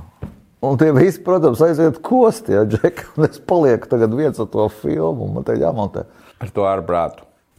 Ne, nu, ne, nu, es pats sajūsmā pa viņās. Tas Tu, kad tu viņu pēdējo reizi paskatījies? Es viņu, es, Tu ik pa brīdim apskaties. Katrā jubilejā. bet, Žili, tur ir ļoti liels fanu lokus. Un, piemēram, mēs nesen taisījām uz uh, kaut kādu, kaut kādu bija kino Rīgā. Tur tie, tie cilvēki, kas to nu, atcerās, to pirmsrādi, to teātrī. Nu, piemēram, es redzu priekšā teātri Kurš, kurš apmēram gads? Nacionālais teātris 93. kaut kāds. ceturtais. Jau, jau atmoda bijusi. Jā, un iedomājieties, tur sanāk visa Visi radoša- nopietnie kritiķi. Nē, neviena nopietna kritika. Radošā, intel- rado, radošie cilvēki no visādām mākslas skolām. domāju, Un kuriem patīk tāds Visiem visjancīgākais, kas vien var būt. Nu, tā publika vienkārši jau bija kaivs. Pēkšņi pēc pusminūtes filma pārtrūkst. Visas, visas zāle jau sāk lauzt krāsas. to pirmo gadu šoseju un Jā, pārtraukt. Visa zāle jau lauž krāsas no sajūsmas. Tad Tas iznāk, piederās tai filmai. jā, iznāk ārā Eriks Loks un saka, nu vajadzētu tagad pavingrot, visa zāle vingro. Nu, Ik pa brīdim tā filma plīst, visa publika vienkārši, nu, tieši to arī gaida. Nu, tas, tas, Tad atrakcija ir. Tas milzīgs happenings. Jā. Tad, tad no zāles, tad, kur viņi saka, tā jau filma, viņi, tur, kur ejiet ārā no zāles, ja tas, bet sakot, Ah, jā, tas viss notika, viss tā filma notika sasaistīta ar zāli, tāpēc viņi tik vienkārši nevar tā arī uztvert. nu, labi. Un, saprot, un tad beigās, kad sāk daudzīt to mašīnu, tur ir noīrēts par pa kaut kādām naudām simfoniskais orķestris, kurš no mašīnas kā sāk šīs stikla, viss tas orķestris smūk, un visa zāle atkal domā, ka tas ir iestudēts. zini kā. Nu, tā, tas ir tāds, tāds nu, ko tu. Viņš saka, tavs pirmais mēģinājums tev sagādāja lielu gandarījumu. Un... Nu, kā vienmēr. Nu, Ir at, ok. atkal tāds viegls orgasms, zini tāds. Nu, labi. Un, un, un, tas, un tas tevi kaut kādā veidā aizrauj, jo, jo, jo nenormāli krūti tā sajūta skatīties uz zāles reakcijām, un ka tev izdodas to. Un es, es, es nekad nevarētu saprast. Man liekas, mēs esam līdzīgi, jo man liekas, tu arī nekad neesi slēpis, ka tev skatītājs ir svarīgs. Nevis, Jā, jā, tas viennozīmīgi. nu, nevēl tu arī tu, tā, pa tām pēdējām, ko tu pa, Šajā gadījumā, nu, labi, varbūt tur tāda īpašā publika, bet es domāju, pēc tam normāls skatītājs šeit ir. Bet man, ne, out. bet man tajā brīdī nebija interesants. Man tajā, likā, tajā brīdī, man bija, es, es, bet es tev saku, es biju Monty Python piekritējis. Monty Pythons, mm. es pēc tam, kad uztaisīju savu televīziju, Pits TV, 97. gadā uzreiz nopirku Monty Python. Un tu saproti, nulle emocijas. Ir otrādīgāk. Monty Pythons, jā, te, ko, kas, neko nesaprot. Anglijā, nu, cik tur tie miljoni iedzīvotāji, 5% patīk, patīk, bet uz tiem miljoniem tie ir miljoni, saprotiet, tie 5%. Ja? Un tāpēc viņi tie visā pasaulē tie mīlētāji ir drausmīgi daudz. Nu, lūk, un, un komēdija arī, piemēram, visu kaut kā, ieskaitot kritiku un tam līdzīgi, uz, uztver to komēdiju kā kaut kādu tādu, nu, kaut kādu nevajadzīgu žanru, nu, kaut kas, kur ne. Bet, bet iedomājieties, cik grūti ir iztaukt smieklus vispār. filmām. nu, labi. Davai par šito. Tu esi tā kā televīzijā, tā kā operatīvi palīgs, brīžiem operators.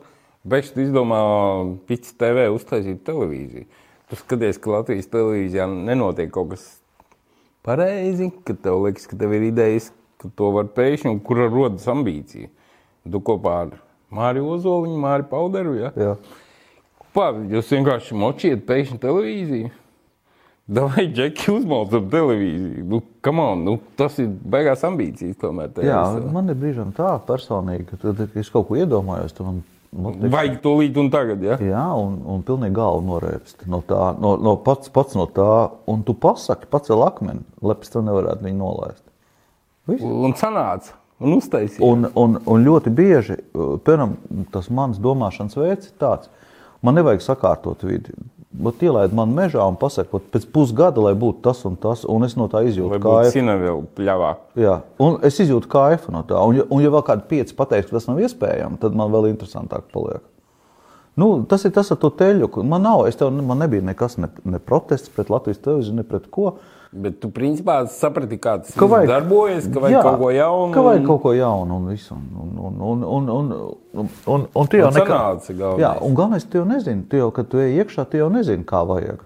Tu tikai zini, ka vajag. Bet tad tu sāc interesēties, lasīt, interesēties, un tikai tad tu sāc saprast, kā tad vajag. Saprot, kā? Galvenais ir uzņemties. Mm, Jā, sāku darīt un aiziet. Jā, jo ļoti bieži mūsu cilvēkus aptur tas, ka tas ir sarežģīti. Es taču neko nezinu. Un tā pašcensūra tev nospiež tās bremzes. Ai, nu labāk. Ne, ne, Nu, ko tas tur bija? Nu, iz... Šitā stabilitāte ir labāka. Man tā nestabilitāte patīk. Nu, labi, bet tajā brīdī, a, kāpēc pizza, pizza kaut kā, nu, pizzerija sāk kaut kādu naudu ieguldīt? Nē, tas ir vēl tīzlāks teiciens. Tas bija tāds, es nezinu, vēl projām, ko nozīmē itāļu valoda pjaca, jā. Tad būtu jāpaskatās, bet Jācer, man liekas, laukums. Nu, jā, virtuālais laukums. Un e, pjaca virtuāli, jā, un, un bija tāds, pro, nu, tāds, sakot, tāds projekts Latvijā, kur viņi pieslēdzās caur nu, internetu, caur daudz, nu, kaut kādi internetu sākumiem. Te baiba ripa bija un tā tur darbojās. Un es domāju, nu jā, pjaca, nu man būs pizza. nu, kaut kas tāds stulbs Un, izskaidrojums. un aizgāja tā lieta. Ja? Tāpēc, ka tikai tagad es saprotu, uh, tikai tagad es daudz lietas saprotu, uz ko tas viss, kāpēc aizgāja. Tāpēc, ka uh, atšķiries vai mirsti, Ja tu būtu taisījis klasisku televīziju, piemēram, Jānis Rušnieks uztaisīja klasisku televīziju, bija tāds RBS TV. Viņš jau uztaisīja īstu televīziju.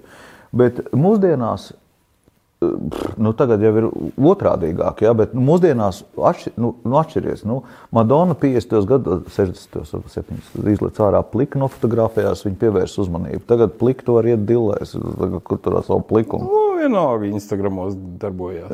Jā, bet, bet to es jau saku, un te ir tā baigi interesantā lieta. Ja tu kaut ko dari, tad no sākuma nu, tev ir jāpievērš tā uzmanība. Bez tās uzmanības tu neko nevari izdarīt. Nu, ja tu tā esi no. klasiski, nu, tad, nu, tad arī vecīgi. Jūs jautājat tā kā tos, tās robežas un padarījāt draiskāku to televīziju.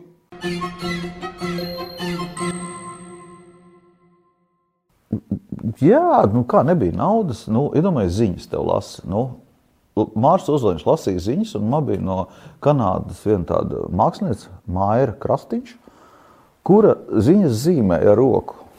Nu, Kremlī kaut kas noticis, viņa roku uzzīmēja. Jo nebija, bil... nu, tagad jau tu internetā var dabūt visādas bildes, bet nu, tev nebija. Nu, nu, vienkārši... Kur jums bija piķis izveidot jaunu televīziju? Nezinu, kādu pārbīļu vārdā. Mēs aizgājām uz banku. Ai, jūs dabūjāt kredītu. Un banka, Girts Rungainis vēl tagad tā skatījās uz mani. Paši paš pieņem lēmumu, ka iedot 120 tūkstoši dolārus, bet tajā laikā Bet tev bija arī ļoti labs biznesa plāns. Nu, it kā jā. Ņem, no šodienas viedokļa. Jā, nu, bet, bet šodien man nekad mūžā, vispār nekad, neviens neko nebūtu devis. Kur tik ātri, ātri jau tur nepagāja necik ilgs laiks, NTV 5 uzreiz iegādājies? Kā atkal kredīti vai jau jūs? Jā, jau... kredīti. kredīti salikt kopā divas tās televīzijas un iznāca LNT. Ja? Nē, tajā laikā bija uh, cīņa pret, uh, pret uh, Krievu ietekmi. Tad, tas bija tas, kā viņi sauc, Ostankino, mm. kā sauc. Ja? Tu aizvērciet, nu, un es dabūju to vietu. Ļoti labi iesildītu vietu LNT. Un uztaisīja nu, LNT, kļuva par ģenerālsekretāru. Jā. Jaunīga televīzija ar augstākiem reitingiem. Man šķiet, tajā laikā pat Latvijas televīzija vienos vārtos muķīja ārā. Div, div, kā tu, tu, tu Divreiz augstāk nekā abiem kanāliem kopā.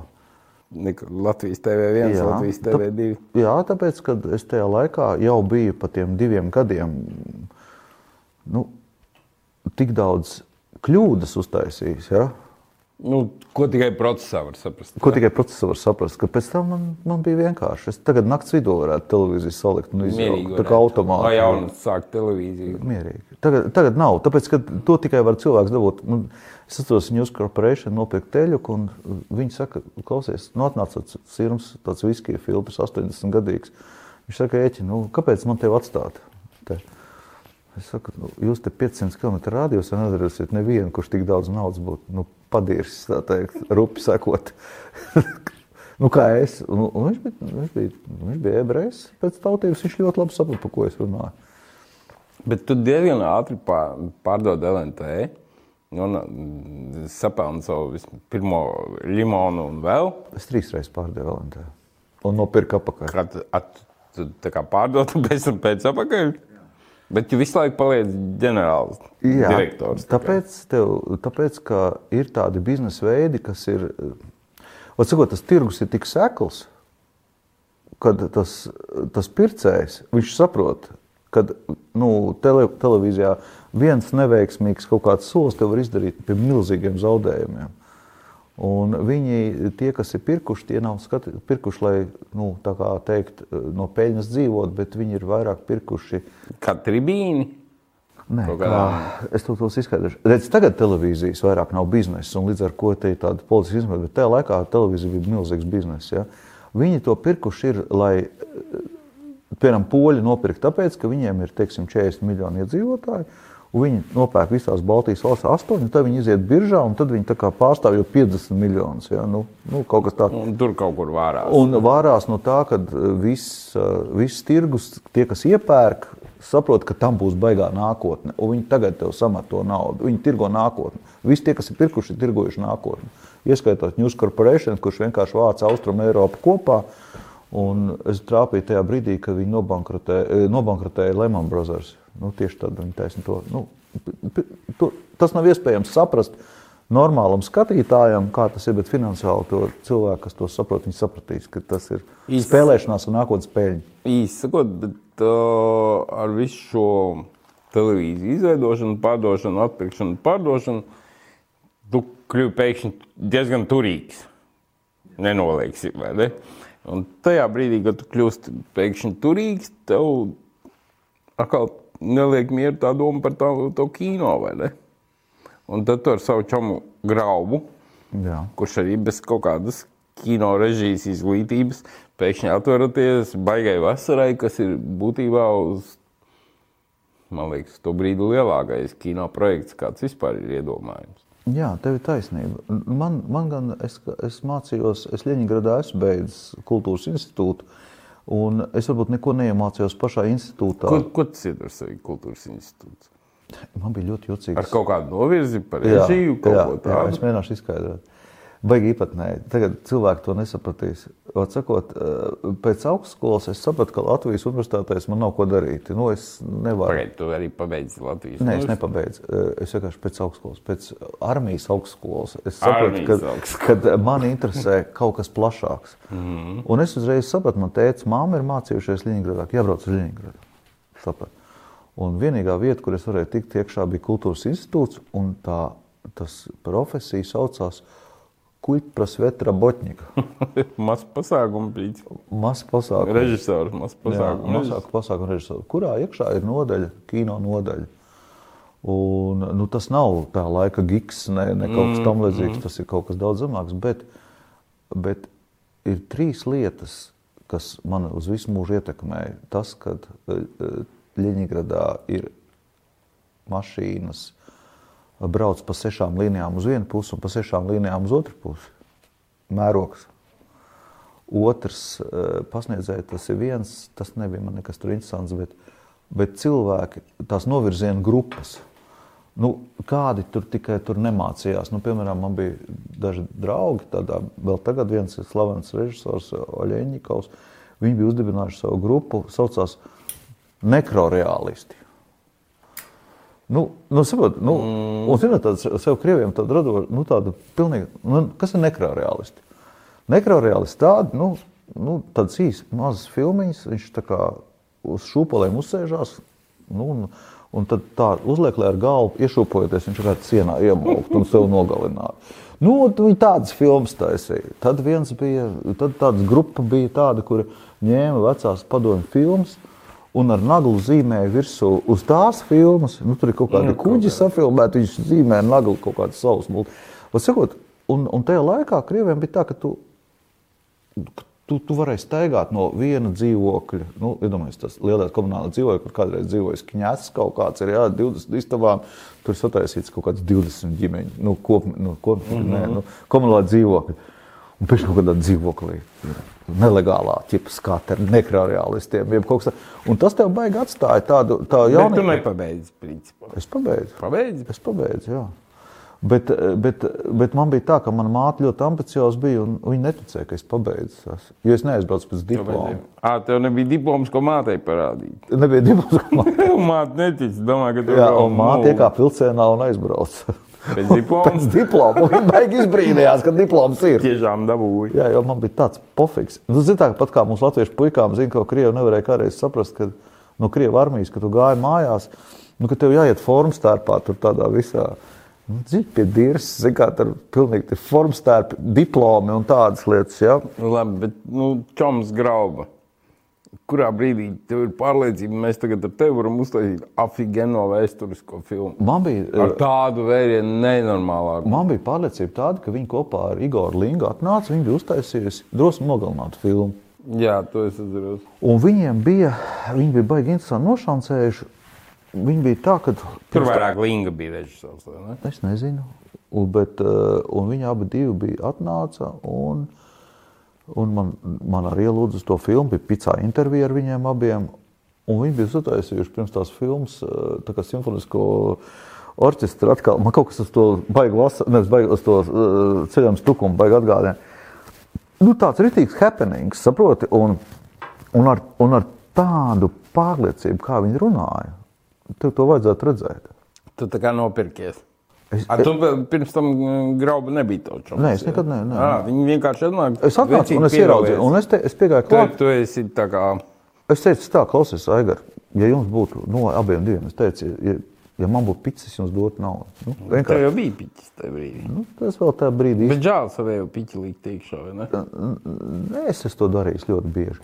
Bet, bet nu, tādā pēkšņi tādā mega projektā, nu, džekiem ambīcijas, tādi gaisa stili. Jā, bet, bet, bet piemēram, Aigars Grauba ir vislabākais cilvēks, kurš ir autodidakts, kurš nekad es nevienu neesmu redzējis tādā vērībā, kā viņš pēta mm. piemērus, kā viņš redz to. Es personīgi uzskatu, ka Latvijas opera ir daudz zaudējusi, neuzaicinot viņu kā par kādu operas režisoru. Viņš tik uh, zinātīgs ir šajā, mm. šajā mākslā. Ja?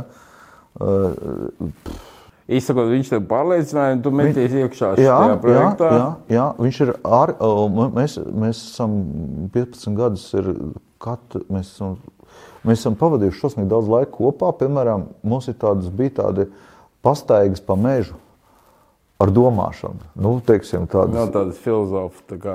nevis, ne, nu, vienkārši, ka tu raksti scenāriju, tu ej kājā. Heidelbergā, piemēram, viņiem bija tās filozofas takas Jā, mežu. es saprotu, ko tas nozīmē. Tāpēc, ka tu ej un visu laiku brainstorms, bum, bum, bum. Man ir baigi daudz, šausmīgi daudz ko iemācījies. Un tu nopirkies. Kāpēc tu lieto to vārdu nopirkt? Es biju Nē, sajūsmā. nu, Jā. Atnāk Džeks, kurš nu, reāli tomēr bez kaut kādas kino režijas izglītības stāsta tev par vērienīgāko filmu Latvijas Zini- kino vēsturē būtībā. Es tev izstāstīšu stāstu vienu. Uh, man ir uh, tādi daži draugi, kuri nezinu, kāpēc, baigi studēja kādu cilvēku CV, kas pie tevis ir atnācis. Man ir dziļi pie pakaļ tas CV. Ja es tieši ieraugu, ka cilvēks ir bijis entajos kursos, ja, tad viņš ir bezģeļņiks vienkārši latviešu runājot. Viņam nav bijis ko darīt, ka viņš bijis tāds, kurš šitādas kursus ir beidzis. Tam man ir vienmēr bijis svarīgi, ir, ko cits cilvēks par viņu pasaka. Nu, vienkārši tu klausies, seku. Es tagad par kādu aktieru, teiksim, Dumburu, es gribētu Džil, ko domā par viņu. Man tas, tas viens teikums labāko jau. ir vissvarīgākais nekā man kaut kāda CV un izglītība. Jo tā izglītība, nu, Nu, jā, tas ir papīrs. tas ir papīrs, jā, un uh, tas man neko nenozīmē. Un tad es uh, vienkārši, vai tev ir līdzīgs frekvence kaut kādā veidā. Un, un mēs esam kaut kur ļoti dažādi ar graubu, un tieši tas man arī taisni uzrunā. Bet kaut kāds patriotisms jūs vieno. Vienoja, man ir beidzies. Jo viss jūsu filmas tomēr bija patriots. Jā, bet man ir beidzies tas viss jau. Beidzies, tu vairs neesi patriots. Es nesaprotu viņu vairāk tā, kā kādreiz sapratu vārdu patriotisms. Jo, principā, tas, ko jūs izdarījāt, baigo vasarīgas sargi, Sapņu komanda. ja sapņu komanda Namēja Gredens, būtībā ir patriotisks filmas, ar ko nodarbojas Holivuda. Ja? Jā. Un tādā ļoti izteiktā, konsekventā stilā, un ļoti jaudīgi un komerciāli, teiksim, arī cilvēkiem interesanti. Un tās filmas strādā. Tāpēc pēc pirmās filmas bija skaidrs, ka mācām tālāk. Jā. Viss izdevās. Jā. Un tas patriotisms bija vienkārši no tāda viedokļa, ka, redzi, ja tu esi, ja tu esi nācija un tu esi kaut ko sev apzināts, tev ir vajadzīgi kaut kādi savi nu, pamata elementi. Tev jāzina, vismaz, nu, kas tev tur kopā. Nu, piemēram, Ukraiņu nācija, kā viņa tagad radusies. Ja, teiksim, tā ir tā Ukraiņa, Ukraiņa. Bet īstenībā uh, Krievijai uzbrukot, viņi kaut kādā veidā viņi, tieši tāpat kā Baltkrievs tagad izveido Krieviju. Iedomājieties, cik tas varētu būt. Nu, tā taktika, iedomājieties, cik debīla viņi ir, cik viņi nepareizi. Ja viņi gribētu viņus paņemt, viņiem nekādā gadījumā nevajadzētu neko tādu darīt. Nu, kādu uzbrukumu? Taisnība otrādi vajadzēja būt vislielākajiem draugiem. Nu, lūk, un, un man šķiet, ka tas ir vienkārši negodīgi, kad eh, mēs nezinām, kad iedomājieties, tev, tev skolā liek, liek zināt, kas ir 11. eh, Teiksim, kas ir 11. novembris. Ja? Nu, kā, kā tas var būt? Un kad eh, ļoti daudz cilvēku, ja mēs tādiem operatoriem paprasītu šeit, ja, kas tad tur īsti līdz galam tur notika, ja? neviens tā, tā, tā. Lašpaiņas diena. Nu, jā, bet tu Man saproti, ir pilnīgs pofiks. Es, nu, tā kā baigi tajā. es, tā kā esmu antipatriots, teiksim godīgi. Nē, es neesmu antipatriots, bet man ir beidzies. eh, Man vairāk sāk interesēt nevis tāpēc, ka tu esi latviečs un kaut kas ir noticis, bet vienkārši tāpēc, ka tu esi cilvēks. Tas hu- humanity man sāk vairāk interesēt. Okay. Bet sapņu komanda man šķiet no šīm četrām filmām, manā skatījumā, bija visjaudīgākā, un nu, kurā pat es kā šīs patriotiskās jūtas manī maksimāli raisīgi, godīgi sakot. Viņi, ka kaut kāda latviešu džeki var spēt uzvarēt visu Eiropu, nu, tas kaut kā, tas bija baigi jaudīgi. Bet es saprotu, ka jūs tur baigot darbu izveicāt pētījumu, un tas viss ir diezgan autentiski, ja. Tas ir ļoti autentiski un, un, un ļoti daudz piezīmes. Visinteresantākais, protams, bija tas, ka es tādu vienu tādu piemēru varu izstāstīt baigi jāncīgi. Kad, eh, nu, kā mēs domājam, nu, scenārijs, scenārijs, un tad spēle, mm. plēnk, plēnk, plēnk, nu, kas tur spēle, nu, kaut ko tur pabibrē. Nu, labi, nu, tā vienalga dabūt latviešu aktierus, kas ticami spēlē basketbolu. Bet tur, tur, nē, un tad beigās izrādījās, ko es, mums vienkārši, es esmu antisportists, lai saprastu. Arī. Jā, nu, Man patīk skatīt. Jā, divreiz pa simtam labāk, vai ne, nevis, nu, tā. Un, un, saprot, un pēkšņi mēs saprotam, Un baigi jocīga lieta, kad izrādās, ka arī basketbolu var pierakstīt visu spēli. Un pēkšņi tu atrodi, ka visas spēles ir pierakstītas. Nu, mm -hmm. pier, nu, tas tā kā šahā. Nu, metiens tur, tas piespēlēs tam, tas, ir, tas viss ir pierakstīts. Tikai tāds online. Jā, un tad, tagad, un tad, un tad, tad tās visas tika, jo no sākuma kaut kā, nu, tā spēle, nu, dabūja kaut ko paspēlēt, nekas nestrādā. Un pēkšņi izrādās tikai, kad, kad tu Atsakot, jo ļoti daudz cilvēku saka, ka viņi arī tajā sapņu komandā skatoties to spēli, pēkšņi sāk just līdzi, vai viņi iemetīs vai neiemetīs. Vai ne to, jo, tas, jo, tas ir, jo tie ir īsti gāji. Nu, nu, īsts tas viss ir. Un, ta, un tas jocīgi, tas īstais, ja, tas autentiskais, ko tu saki, pat šādā detaļā, ja, viņš pēkšņi nostrādā. Baigācīgā lieta, pat pēc cik tiem gadiem. Tu kaut kādā intervijā mm, stāstīji, ka Leiša apskauž mūs par šo filmu. Nu, protams, tāpēc, ka viņi jau uzskata, ka viņi ir tie lielie basketbolisti. Jā, un viņiem, un viņiem nav, nav tādas filmas. Ne, viņiem nav ne Rīgas sargu, ne basketbolu, ne, nekas par karu, ne, viņiem nekas nav. Viņiem, nu, viņiem kaut kāds epos. Viņiem vajadzēja būt par Grīnvaldes kauju, kaut ko, kur, nu, kur nu, mm. mums nav mācīts, ka viņi tur beigās ar Džeku bijuši kopā ar poļiem. Bet, uh, Bet, bet viņa šausmas mums kaut kāda liešu nacionālisti pat atrada. Un, un teica, ka mēs darām kaut ko kopā. Mēs nevaram izturēt vairāk, ka viņa kino centrs tur nedod nevienai tādai filmai. Tur dod visu kaut ko, bet nav, ne viņa, viņam nekā nav. Bet nevar noliekt, ka tas, ko jūs ar Graubu izdarījāt, um, kā latviešu filmas, nu, pēdējā laika nu, bija liela skatītāja interese. Jo, Tā normāla situācija bija, ka Džeki tur notērē pusotru, divus limonus. Atnāk 4-5 tūkstoši skatītāji, ja, kas man bija kamerā zālē vairāk. Ja, summā. Un jūs tiešām domājat to, ka skatītājs skatās šo produktu. No sākuma bija tāds jēdziens, ka nu, latviešu filmu nav jāiet. Vienkārši nu, tur nekā nav. Nu, Jo Krievijā laikā kaut ko samuģīs, kaut kāds ārkaus, džeki festivāls mēģina tikt. Bet, tu zini, es tev izstāstīšu vēl vienu ļocīgu lietu. Redz, man, tev, tas, būt, tas man būtu interesanti tev parunāt. Man, es vienkārši visu laiku skatos un visu laiku domāju, kāpēc tik šausmīgs tas festivāla kults Latvijā ir. Ja tu ja paskatītos kino dokumentus, tur viss ir vērsts tikai uz festivālu uzvarēšanu. A, īstenībā Nu, ja tu runā ar normālu amerikāni, jeb ar normālu eiropieti, nu, normāls eiropietis varētu būt no Gamona, no franču kino industrijas vai no, eh, vai no, no angļu industrijas. Viņam festivāls ir mārketinga ierocis. Nu kā? Lai vēl vairāk skatītājs. Lai vēl vairāk dabūtu skatītājs. Nu, pat ja tas ir arthouse, tādā gadījumā, nu kā, tu, tu, tu vari dabūt, eh, teiksim, 1% no visas pasaules, ja, uh, Bet tik un tā, nu, Tarkovskis, viņš ir arhausas skats, viņi noskatās, nu, filo, nu tā, filozofiski. Bet pie mums tas drausmīgais kults, kad pilnīgi, pilnīgi vienalga tas skatītājs, bet tas festivāls ir svarīgākais. Un, un festivālā, iedomājieties, tur ir astoņi, astoņi žūrijas locekļi, un iedomājieties, kā tev jāielēna kādam tur, ja jāsaprot, ko viņi visi domā, lai tu pēkšņi uz kādu strādā. Un tāpēc man ir tāda, man vispār tāda baigā ir tā aiztur pret visu šito te, jo es tomēr uzskatu, ka tomēr ir jāmīl skatītājs. Tas, tas... Man arī šķiet, īpaši, ja tu tērē valsts naudu un nevis tu ņemies pats ap sevi, tas, kas tikai tev ir interesanti, bet nu, tev jādomā par kam vēl tas ir interesanti. Jā. Ka tomēr ir, ir stāsts par skatītāju. Nevar noliekt, ka jums tas izdevās, un tad, tu būdams producents Aigaram, visu laiku nolēma, labi, vēl bija namēji gredzens. Angļu valoda bija tāpēc, ka jūs uzreiz gribējāt starptautiskā tirgu. Ja? Momentāli, jā. Tas man tā bija mulsināja. Es šo filmu arī tikai pirms nedēļas apskatījos, godīgi sakot. Bet, nu, gana normāls tāds vēsturiskā filma atgādina tiešām angļu filmas kaut kādas. Nu, tā kā, un, un, bet tā namēja gredzena fiška, jā, tā ir pilnīgi izdomāta.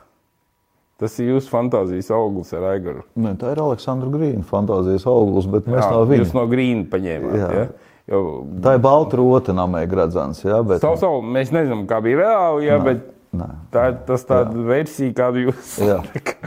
ja līdz šim bija šīs vēsturiskās filmas, kas atbilda kaut kādai patiesībai, plus mīnus, ja, tad šī bija pilnīgi izdomāta. Pilnīgi. Es- Pilnīgā fantāzija. Jā. Ja. Bet ļoti pārliecinoši nevar, nevar noliekt.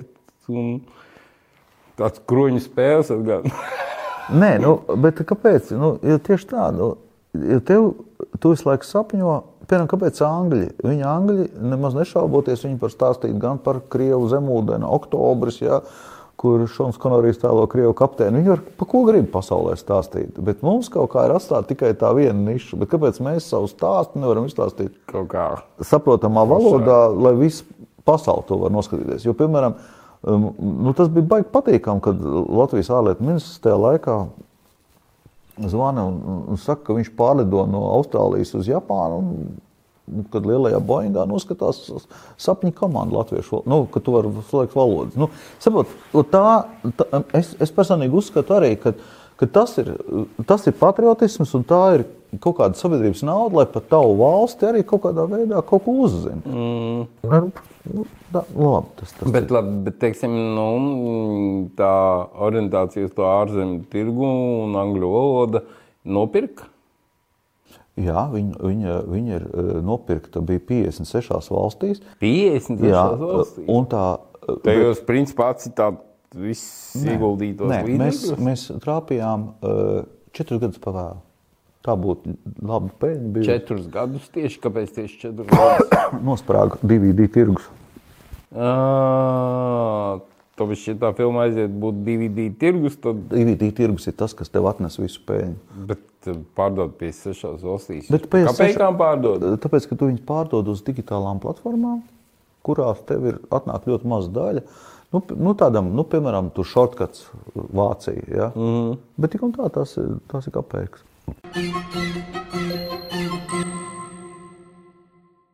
Atcerējies ceļojumu uz tukumu, pēkšņi saka, taisīt komēdijas, fuck off, swingeri. Ska, viss redzēja. Uh, pāris filmas speciāli gatavojoties tev, bet labi, swingerus redzēju uzreiz. Swingeri labi, nevar noliegt. Kas tas gabals, bet arī labi uztaisīts. Labs scenārijs, viss kārtībā. Es nebrīnos, ka tev frančīzes pērk. Ja? Blēži. Oh, oh. Nu, zini, Sauksim, latviešu valodā dirsā. labi, Džila, bet es tev jautājumu uzdošu vienu. Nu, vai tad tev nav bijusi kādas izrādes, kur dirsā? Ir ok. Tas ir, zini, kad tev ir tas teiciens, ka tev astapa paņeslo, ja krievu teiciens, ka likās, ka tu vari bez priekšspēles visu mierīgi ar kreiso roku. Es izstāstīšu mazliet par eh, swingeriem. Varbūt es vismaz iedvesmošu kādu no skatītājiem. Es vienkārši sapratu vienā brīdī tā, ka es visu laiku esmu producējis dārgas filmas. Nu, vērienīgs. Vērienīgs. Un tad mans draugs Augusts Sukuts, kur es tagad nožēloju, ka es viņu esmu pa maz runājis, mm. bieži vien Nu, viņš-. Jā, viņš man bieži vien teica, viņš teica, Andrej, taisi pa simt štukām vai pa simt miljoniem, pa vidu nekā nav. Es saku, ok. Nu, priekš Latvijas, nu, priekš Latvijas mēroga Jā, tas, es tas, tas ir. Tās, ko Un- Aigars, tās filmas, ko jūs teicāt, jā. Aigars, tās ir pa. 100 miljoniem Es, apmēram. es, un es sapratu, nē, nu, vai vecais, viss skaidrs. Es aizgāju uz kinoteātri un izstāstīju savu ideju. Un es teicu, klausies, nu, nu, kinoteātri, lai tu saprastu, ka viņiem arī svarīgi tas izpla, izplatītājs kinoteātriem ir svarīgi, nu, kaut kāds kazas gabals. Un viņi teica, uz šo ideju mēs jums varam iedot 50 tūkstošus eiro. Un, un ko viņi par to grib pretī?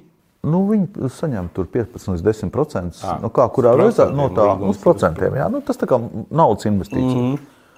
Un, un tad es sapratu, ka Tas jau uz singeriem to pie viņiem. vēl pāris sponsori. Nu, tad kopā apmēram budžets ir apmēram 78,000 eiro. Es ne, nekautrējoties tagad saku. Nofilmēji, nofilmēji 6, 7 dienās. Pagaid, es tev stāstu tālāk. Un tad es, un tad es pie sevis prasīju, nu, sev, Andrejam, nu, kas tad te ir svarīgākais? Tātad svarīgi ir aktieri. Tātad, cik aktieri grib, lūdzu. Un tad, jo vienmēr ir otrādīgāk. Ja, teiksim, tu ar kādu jaunieti operatoru parunāsi, viņš ir brenda atkarīgais. Viņš tev sāks nosaukt, ar kādām kamerām būtu jāstrādā. Kādiem ratiem, cik daudz gaismām būtu jābūt. Ja? Nu, teiksim, tu kaut kādā veidā tevi ievelk tajā industrijas standartā. Nu, kaut kādā. Mm -hmm. Bet tas nozīmē, ka tev uzreiz ir simts cilvēku uz laukuma. Viens tur skrien to dara, viens to dara. Es neko nezinu no tā. Es, saku, es, saku, es speciāli izliekos, ka es neko nezinu. Un, ok, mums ir tik un tik daudz naudas. Tātad, ko mēs varam atļauties aktieriem? Skaidrs, bum. Skaidrs, cik mums dienas tik. Nu, tad, un tad viss. Un beigās sanāk biznesa. I- Jā, un, un jo nu, tev jau neviens, nu, nu, ka tu kinocentrā ir tā, ka tu vari piedalīties vienreiz gadā. Nu, nu, parasti tāds režisors gaida nu, trīs gadus, un tad viņš dabūna filmu. Ja? Bet iedomājieties, tagad, iedomājieties, cik tīzli būtu. Tu, tu tagad esi dāvāts teātrī, un tu tagad gaidi trīs gadus, kad tu nākošais. tu beidzot varēsi kaut ko Kad tu beidzot, a, tu jau to ar ķēli neesi strādājis. Un nedomājies, man tagad es tik ilgi neesmu ar ķēli strādājis, kopš uh, ceļojuma stukuma, un tad man ir 2000. Tātad, 2000. sakas īsti, jā, bet savu naudu neieliekot. šito, nē, šitajā, ne, nē. ne kapēku. Tu visus Jā, tāpēc, kad es gribēju saprast, kā, vai, te, vai Latvijā ir iespējams biznesa kino, industrijā. Jo, kas līdz šim, principā, jā industrijā. pēdējos pirms tam desmit gadus vispār nestrādā. Jo daudzi visi- Neviens nenopelna. Jo cilvēki lieto vārdu industrija. Mm. Servisā ir industrija, bet kino šeit nav industrija. Tas ir. Uh, es, es, nebūšu, es negribu teikt ļauni. Tas nav amatieru pulciņš. Tas nav amatieru pulciņš, ja kāds skatās. Bet principiāli tas ir valsts subsidēts. uh, Valsts subsidēta nu, kinoskola, nu, kaut kas tāds, nu, kurā tiek ražotas filmas, bet, bet katrā ziņā tas nav tā Nav kā. rūpes par skatītājiem. Pofīgi, cik skatītāji valsts iedod naudu, režisors taisa to, kas viņam patīk. Nē, nu, principā, Pofīgi, vai skatītājiem patīk. Es īstenībā arī nevaru pateikt, jo tā viņi iedod arī mārketingam, jā, bet, teiksim, ja tu skaiti pēc punktu skaitīšanas sistēmas, tav iepriekšējie darbi ir ļoti maz punkti, vai tev bija skatītājs. Interesi par skatītāju ļoti maz punkti, bet tavai režisora vīzijai ir ārkārtīgi daudz punktu. Nu, teiksim tā, ja tu, teiksim, nu, teiksim, ja es varētu aiziet konkursā ar, ar iepriekšējo pieredzi un tam līdzīgi, es dabūtu mazāk punktus nekā viens žeks atnākt ar ļoti mākslinieku skaidru skatījumu. Kas ir normāli no vienas puses. Bet no otras puses, jā, nu, zini, a, kurš tas viedoklis? Nu, nu, tur, zini, kā tur tam līdzīgi. Nu, labi, ne, dziļi neiztirzāšu, bet tad es sapratu, ka man jābūt kaut kādā veidā neatkarīgam. Nu, lūk, un tad es to swingeru. Un man kaut kā baigi novērcās toreiz, kad uh, mums kopā ar Rasu izdevās tāds labs scenārijs. Un, un, Un, un, un gāja tā kā no rokas. Es nemāku izstāstīt. Tev tas bija kādreiz izrāda ar Jā, pirmo. jā, tu, tu, ej iekšā, un tev no pirmā, nu tev viss, nu vienkārši, tev pat nav nekas jāmeklē. Bet tev bija, stress. Man bija šausmīgs. Pirmo stress. reizi pats tā kā. Jā, tāpēc, ka, tāpēc es, Tāpat Grusdovs tur bija pieslēgts par kaut kādu Jā, aktieru Tāpēc man bija jā. bailes, jā, man bija bailes. Es nesapratu. Bet pēc tam es sapratu, pļāviens, johaidī. Amats rokā. Amats rokā, jo, jo nu kā tā visa tava, tā mana visa dzīve, es jau tev kādreiz stāstīju, ticu, neticu. Nu, tā, es teicu, ka es redzu, es, es kad kaut ko Intuitīvi, vai ne? filmēju, es redzu, kā skatītājs skatīsies. Kā viņš reaģē. Es redzu, es redzu to brīdi, kad skatītājs, es redzu viņu. Man galvā ir nevis aktieris, bet es, ko viņš padomās. Labi. Un, un viss notiek. Un, un, un, un tad, tad, protams, arī Tas bija afigēna biznesa projekts, kur pēkšņi izrādās, ka kino var nopelnīt. Tu esi- Jo pēc tam arī frančīzes. Es tev pateiktu, eh, kino noskatījās tajā laikā vaiprātīgs cipars, 110 tūkstoši iedzīvotāji. Tas ir Priekšlatvijas ir vaiprātīgi vietas. daudz, jā. Un, Katrs Jā, un, 15. principā. jā, un box office ir cilvēks. 550 tūkstoši eiro. Box office, jā, par to arī maz runā, bet box office, kur apmēram producentam pienākās 33%. Nu, tas ir puspaņem kinotēts, izplatītājs, tam līdz apmēram 33%. Tātad, ja filma ir 70, 80, tad, tad filma tā. Un pēc tā es sapratu, cik. Būtībā tu privāti arī filmu. Nu, tu zini, tu uzreiz, kur tu nopelni, tur iztērē. Es vienkārši gribēju kaut ko citu pateikt, lai tas neaizietu uz tādu, tā kā, uz tādu tirgošanās. Tas drīzāk priekš manis bija eksperiments, no kā, kā, kas notiek kino biznesā šodien. Vai Nu, tāda komēdija principā nebija. Nē, nebija. Tas bija priekš manis esi, tas, eksperiments. tu esi tas, kas to ievies. Nu, teātrī tu jau esi daudz ko ieviesis, bet, bet, Ah, bet ok. Kinčikā, Kinčikā Nu, nebija īsti. Nu, pēc limuzīna, limuzīna. Nu, pērk jūsu vīru bija mazliet, kurš arī bija producents. Mm. Bet, bet ko es gribēju to pateikt, kad man bija interesants, tas bija eksperiments. Es to uzsveru.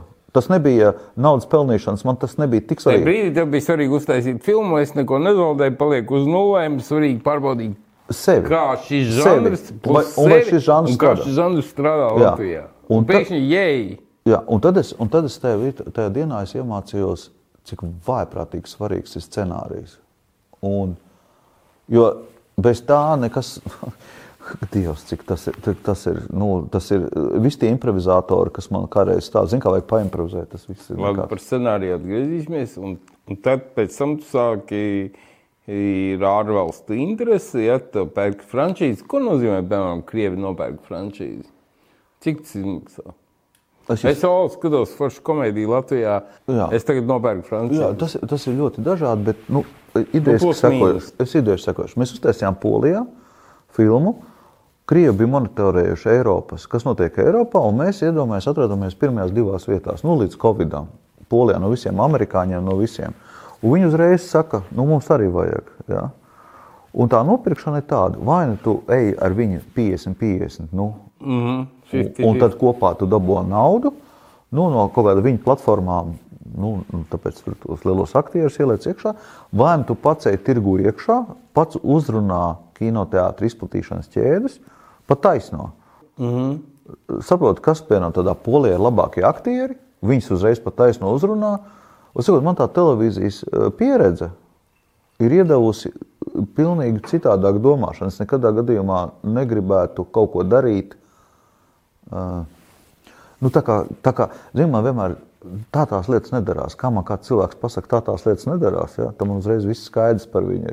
Jo mūsdienās darās, Viss darās. kā darās. Ja? Jautājums kā? Jā, jautājums, kā darās. Un Nu, bet pagaidi, tās frančīzes, teiksim, Polijā, tu pats nefilmēji. Tu vienkārši es padari visur esmu režisors. Visur arī Polijā, Ukrainā, Visur. un Igaunijā Visur. un, un Krievijā. Un Tagad. Holandē. Un Holandē. Bet klausies, bet kā tiec galā, teiksim, ar to, nu, tā pati pēc šīs filmas Igauņu kritiķe Mārja Hinda Alla raksta, piemēram, nu, ka tā asinhronizācija, skaņas un bildes viņa puslabā ļaunā, un ka vispār šī tādu produktu, blīn, tas ir pizdzēts, vienkārši nedrīkst dot. Tu kaut kā mierīgi tiec uz to galā ar šo kritiku. Tev viss skaidrs, biznesa ir biznesa, un pofīgi, ko tu tur uh, vīpsnā, lielie uh, mākslas kritiķi, tas tā kā viss pofīgi.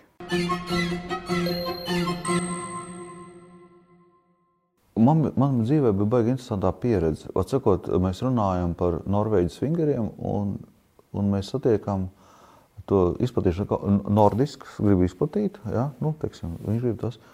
Un viņa pirmais vārds, nu, pēc tās sarunas, viņš saka, critics good or bad? Es saku, bad, good, make a deal. Saprot, saprot ko, ko tas nozīmē? Ja? Nojauši. Jo, nu, ja tev ir uh, komēdija, tad nevienmēr tev kritika, nu, nu ko viņš tagad teiks, baigi izsmējos. Nu, ko tur, nu, es nezinu. Vat sakot, tu, tas ir vienmēr. Bet tur tā kā tu mierīgi tiec ar to galā, biznesa ir biznesa. Bet, kā jau tev teicu, es nekad neesmu lasījis neko labu. Nu, tad es esmu mēreni lasījis, bet neko tādu, zin kā, nu, nav bijis nekad. Un tev taisn otrādīgāk, es nenovēju to uz to biznesu, es novēju uz to, kad, kad es esmu citādāks. Nu, un ka man tas ne, neķer. Tāpēc tas Tad tu esi pašpietiekošs. Es, es, to, Es tāds neesmu, bet es tā sev iestāstu. Un Krievijā tagad Un arī, sāp, arī protams. Krievijā tu arī tagad a, sāp tomēr. Sāp, protams, sāp. Jā? Jā, nu, a, kāpēc? lai Tu nesāp? gribi, lai viņi saka, ka tas ir krūti. Es gribētu, lai viņi, Viņi novērtē no Lai viņi- kontekstu, un kāpēc tas lai viņi e, es, es izlasīju 1977. gada karogā uh, recenziju putvējiem filmai. Mm -hmm. Un bija baigi interesanti. Un tad es ieraudzīju, kāda izskatās recenzija profesionāli. Tur bija rakstīts, pirmajā aktā galvenais varonis izdarīja vai neizdarīja to un to. Otrā akta, trešajā cēlienā, nu, ļoti līdzīgi tā kā teātrim. Ja? Es redzēju, ka viņš ir iedzinājies. Mūsdienu kritiku, ko es bieži lasu, es lasu, man patīk, nepatīk, es izjūtu, neizjūtu. Mm. Es, nevizu, es neesmu, es nelasu. Bet tev ir svarīgi. Uh, Nē, nu, ja cil, tu, bet tev taču ir svarīgi, ka tev santehniks atnāk un sataisa trubus pareizi. Ja? Nē, man ir svarīgi, ka to saka. Kā lai saka, nu, Man gribās piebilst- cilvēki, kuriem tu uzticies, kur tev ir autoritātes, bet man nav svarīgi, ko, nu, ka to saka kritiķi, kuri paši nekad dzīvē neko nav uztaisījuši. Ja, un, tā kā, tas man tā kā, man, man, man bišķiņ vienmēr ir sāpīgi, nu, kad, teiksim, par manu izrādi, kritiķis uzbrauc aktieriem. Jā, nu, Te Es jūtos kā vainīgs, un man par to tur man ir. Bet tā ir problēma. pareizi domā. Jo aktieri nedrīkst, nu, aktieri nedrīkst taisīt. Režisors taču izvēlās aktieri, Nu, jā, mo- es esmu par to atbildīgs, Jā, bet tu brauc viņam, un tad, tad brīdī es jūtos. Jau tad, jā. sūdīgi. Kāpēc viņš tur? Viņš tur nav vainīgs. Bet, klausies, uh, Krievijā arī tu uztaisīji swingerus ar Nagievu, ja? Kā, kā ar viņu bija strādāt? Nu, tomēr viņš tāds. Viņš ir tieši tāds pats, kā mēs ar tevi tagad runājam, bezgalīgi profesionāls. Tur bija mazāk līmeņa zvaigznes, kurš tur, nu, kurš tur mētāja tā, ka nu tikai. Ja? Bet tieši šis cilvēks izp... zināja visu tekstu no galvas. Viņš atnāca un saka, uz priekšu. Mācam, ja? Vienīgi viņš uzsprāga tikai tajā brīdī, kad teiksim, viņa, viņa kaut kādā filmēja teiksim, viņa roku ar telefonu. Viņš saka, nu, klausies, nu, klausies, nu, vecīt, es labāk aiziešu uz pagulēšu uz, uz, uz, uz vagoniņu. Nu, viņš, atsakot, viņš gribēja strādāt. Protams, ka viņa bija arī no sākuma diezgan ilgi jāpārliecina, ka tieši šādi vai šitā. Protams, ka viņš izdarīja tā, kā viņš pats gribēja, un tad varbūt ar tādu pusgribēšanu uztaisiet to, ko tu gribi, kādās vietās. Bet, bet, bet tikai labākos vārdus. Atsakot, un, un es biju, es, biju, biji profesionāls. es biju apmulsis. Jā. Es biju domājis, nu, tagad būs tā. Nu, būs Sāks tās. sacoties, ja zvaigzni. Nu, jā, man, bija- es biju ļoti uztraucies. Man faktiski es biju tā uztraucies, ka es nevaru izstāstīt. Nu, es domāju, nu, tūlīt Nopietni? būs. Jā, es esmu dzīvē visu kaut ko pieredzējis, bet, eh, bet tad, kad tu satiecies ar kaut ko nezināmu, lielu, nu, iedomājies, mm. visā, tad tev sajūta, ka tev tūlīt kaut kas būs slikts. Notiks. Tu to arī izdarīji kaut kādās septiņās dienās. Ja? Tur tikpat Nē, tur, strauji. div- nē, Vai tur bija vairāk lietas? Tā kā tās septiņas dienas, tas vairāk nekad nav attiecis. Jo es negribu vairāk, nu, zin kā, kādreiz, kad es biju tāds jaunāks, tad man būtu tā likties, cik es ātri nofilmēju. Tā, nē, tas bija vienkārši, nemāk izstāstīt, kaut kādā veidā tas viss aizgāja tādā ātrumā, kad, piemēram, es, es tik ilgi nebiju bijis kino industrijā, ka es, ka es nebiju ievērojis, nu, kad es nesapratu, ka pēkšņi ir 18 stunda. Un, zini, tā, kad tev ir, kad tu strādā, Filmējot 18. 18 stundas, bet es mēģināšu izskaidrot tūlītās. Kad e, faktiski uz filmēšanas laukuma ir 12 stundu darba diena. Gaismotāji, kuri mums ļoti Latvijā ļoti profesionāli, ja tev ir pārpa 12, tad tu redz, ka divi čaļi sasit šitā rokas. Un tu nesaproti to. Un pēc 13. viņi vispār jau baigi priecīgie izrādās, ka katra stunda pāri tev ir, tev ir no tava maciņa dubultā. Un pēc tam jau tripls. četri. un es to nezinu. Bet, bet vienkārši nu, aiziet tik labi, nu, ka tas viss aiziet tā epizode pēc epizodes. Ja? Nu, ka tev, tev vienkārši tu nevari apstāties. Tas nevis tāpēc, ka tu steidzies, ja kaut ko tamlīdzīgu, bet vienkārši, ka tev Nu, tu saproti, ko es runāju? Viss notiek. Viss notiek, rāviens, viss ir raksturi, viss strādā, viss nu, pēkšņi. Bet, bet kā tas ir? Viņi nopērk frančīzi un tevi kā režisoru. Tāpēc tagad visi ieguldījumi aktieriem maksā viņi. Tu Ja, esi nu kā, kā tu- režisors, kā tu ā, sarunā? saņem savu honorāru, tu esi pārdevis frančīzi, par to tu kaut ko saņem. Un pēc tam saņem kaut kādus procentus no izrādīšanas. Tie, kas nu, kino nav tie procenti. Kino, kino ir baigi interesantā lieta, kad uh, kino saistīts ir nu, viena lieka filmēšanas diena uzreiz. Piemēram, uh, uh, nu, piemēram, ja tu saņem no valsts finansējumu, ja, nu, tu vari filmēt ilgāk, jo tā ir Jā. nauda nu, no kosmosa. Tā ja. nav tava nauda. Jā. tā nav tava nauda, bet valsts tevi atbalsta. Nu, tā ideja un tam līdzīgi. Bet, ja brīdī tu strādā kā komerci- komercijā, kur tā ir īstā nauda, ja, kur tas izplatītājs ir ie- ielicis tev īsto naudu, ja, tad tas viss notiek pavisam citādāk. Iedomājieties, ka tev režisors salaidīs kaut ko ripā, ja, un tev īstā nauda. Tāpēc viņi, lai mazāk baidītos, viņi pērk franšīzi. Bet plus vēl viņi pērk arī cilvēku, kas to ir trīs, četras reizes izdarījis. Jā. Neskatoties to, ka, piemēram, nu, nav svarīgi, ka es nesaprotu holandiešu valodu. Vispār nav svarīgi. Mm. Priekš tam ir blakus cilvēks, ja, kas to sako līdzi. Bet man vēl interesantāk, es esmu. Bet, bet tāpēc tu par tādu krievu produktu vairs neatbild. Tu pārdevi frančīzi, tu saņem kā režisors ir 50. honorāru. Nē, mēs esam 50. Tu 50. nemaksā Nagijam viņam milzu honorāru. Tas strādā citādāk. Tas strādā tā, ka, tu, uh, ka viņi tev paņem, tad viņi uztaisa prezentāciju un iet pie platformas. Un platformai saka, A variants, Nagijos, B variants ir tāds. Kāda bija vēl C variants ir Ģerevjānka tāds. Ir Tas aktieri, ir mazāk zināms. Jā, un, otsakot, un tu, tu ej, ja, un, un viņi izvēlās. Un tajā brīdī, kad viņi nāk iekšā, tad viņi tev apmaksā apmēram nu, tur 50% jau mm. no aktieru kāsta. Jo viņiem, jo viņiem ir svarīgs tas aktieris. Ir, ja. Viņi saka, tu uz to visu vāries. Es cenšos. Tev iznāca swingeri, tu uztaisīji, izrādās, kino var taisīt biznesu, pelnīt naudu, principā. Nākamais projekts Blēži. Nu, Es saprotu, par ko tu runā. Man, man, tas Blēži, man liekas, man vairāk nesāp. Man vairāk nesāp. Jā, bet tur, nu, bet aizgāja auzās. Aiz, aizgāja uzās. Pēc tam nopērts frančīzi no Dāņiem vai ne? Nu, Klases salidojumu. Jā. Es lasīju kaut kādu, kaut kādu mm, recenziju, kur problēma es arī tikko nu, pat svaigi noskatījos, jo visi raudz, nu, bišķi raudz degunus, ja? Un, grūti tā noskatīties, bet es tiešām noskatījos un, un pat samaksāju ja, kaut kur tur internetā klases salidojumu. Un tajā recenzijā es izlasīju, ka tā atšķirība, un es arī apskatījos traileri Dāņu. Ja? ka mūsu gadījumā tas ir bijis teātrāli. Izņemot kaut ko, ja, bet Strāts un Ančevskis viņi spēlē bijis teātrāli. Kad Dāņu variantā tomēr tā organika, nu, ka ir dzīves reāls cilvēks, kuram tu vari noticēt, nu, kaut kā šajā gadījumā kaut kur ir pārspēle. Tu tam nepiekrīti vai? Nē, absolūti nepiekrītu. Tur ir, tur ir tā, tas ir baigi impatnēji. eh, Nu, kā tu to traktē? Es speciāli iedevu cilvēkiem daudz lielāku ātrumu, nekā viņi normāli varbūt dzīvē būtu runājuši. Es strādu, es strādu redzēju kā tādu. Viņš ir nu, kā aktieris, viņš tas sajūta. Viņš ir zilonis. zi- Es viņam teicu, tu esi zilonis traukveikalā. Nu, es- Tas, tas bija viņa aktieru uzdevums. Jā, un, un, un Ančeskim es teicu, tu esi apdirsies trūs, nu, zaķis. Nu, labi, bet visi viņi pārspēlē. Džili, nu, bet, bet, bet nu, priekš manis nepārspīlē. Es vēl blēžam atzīst par klasodojumu. Man Tas viss ir kārtībā. trešo salidojumu.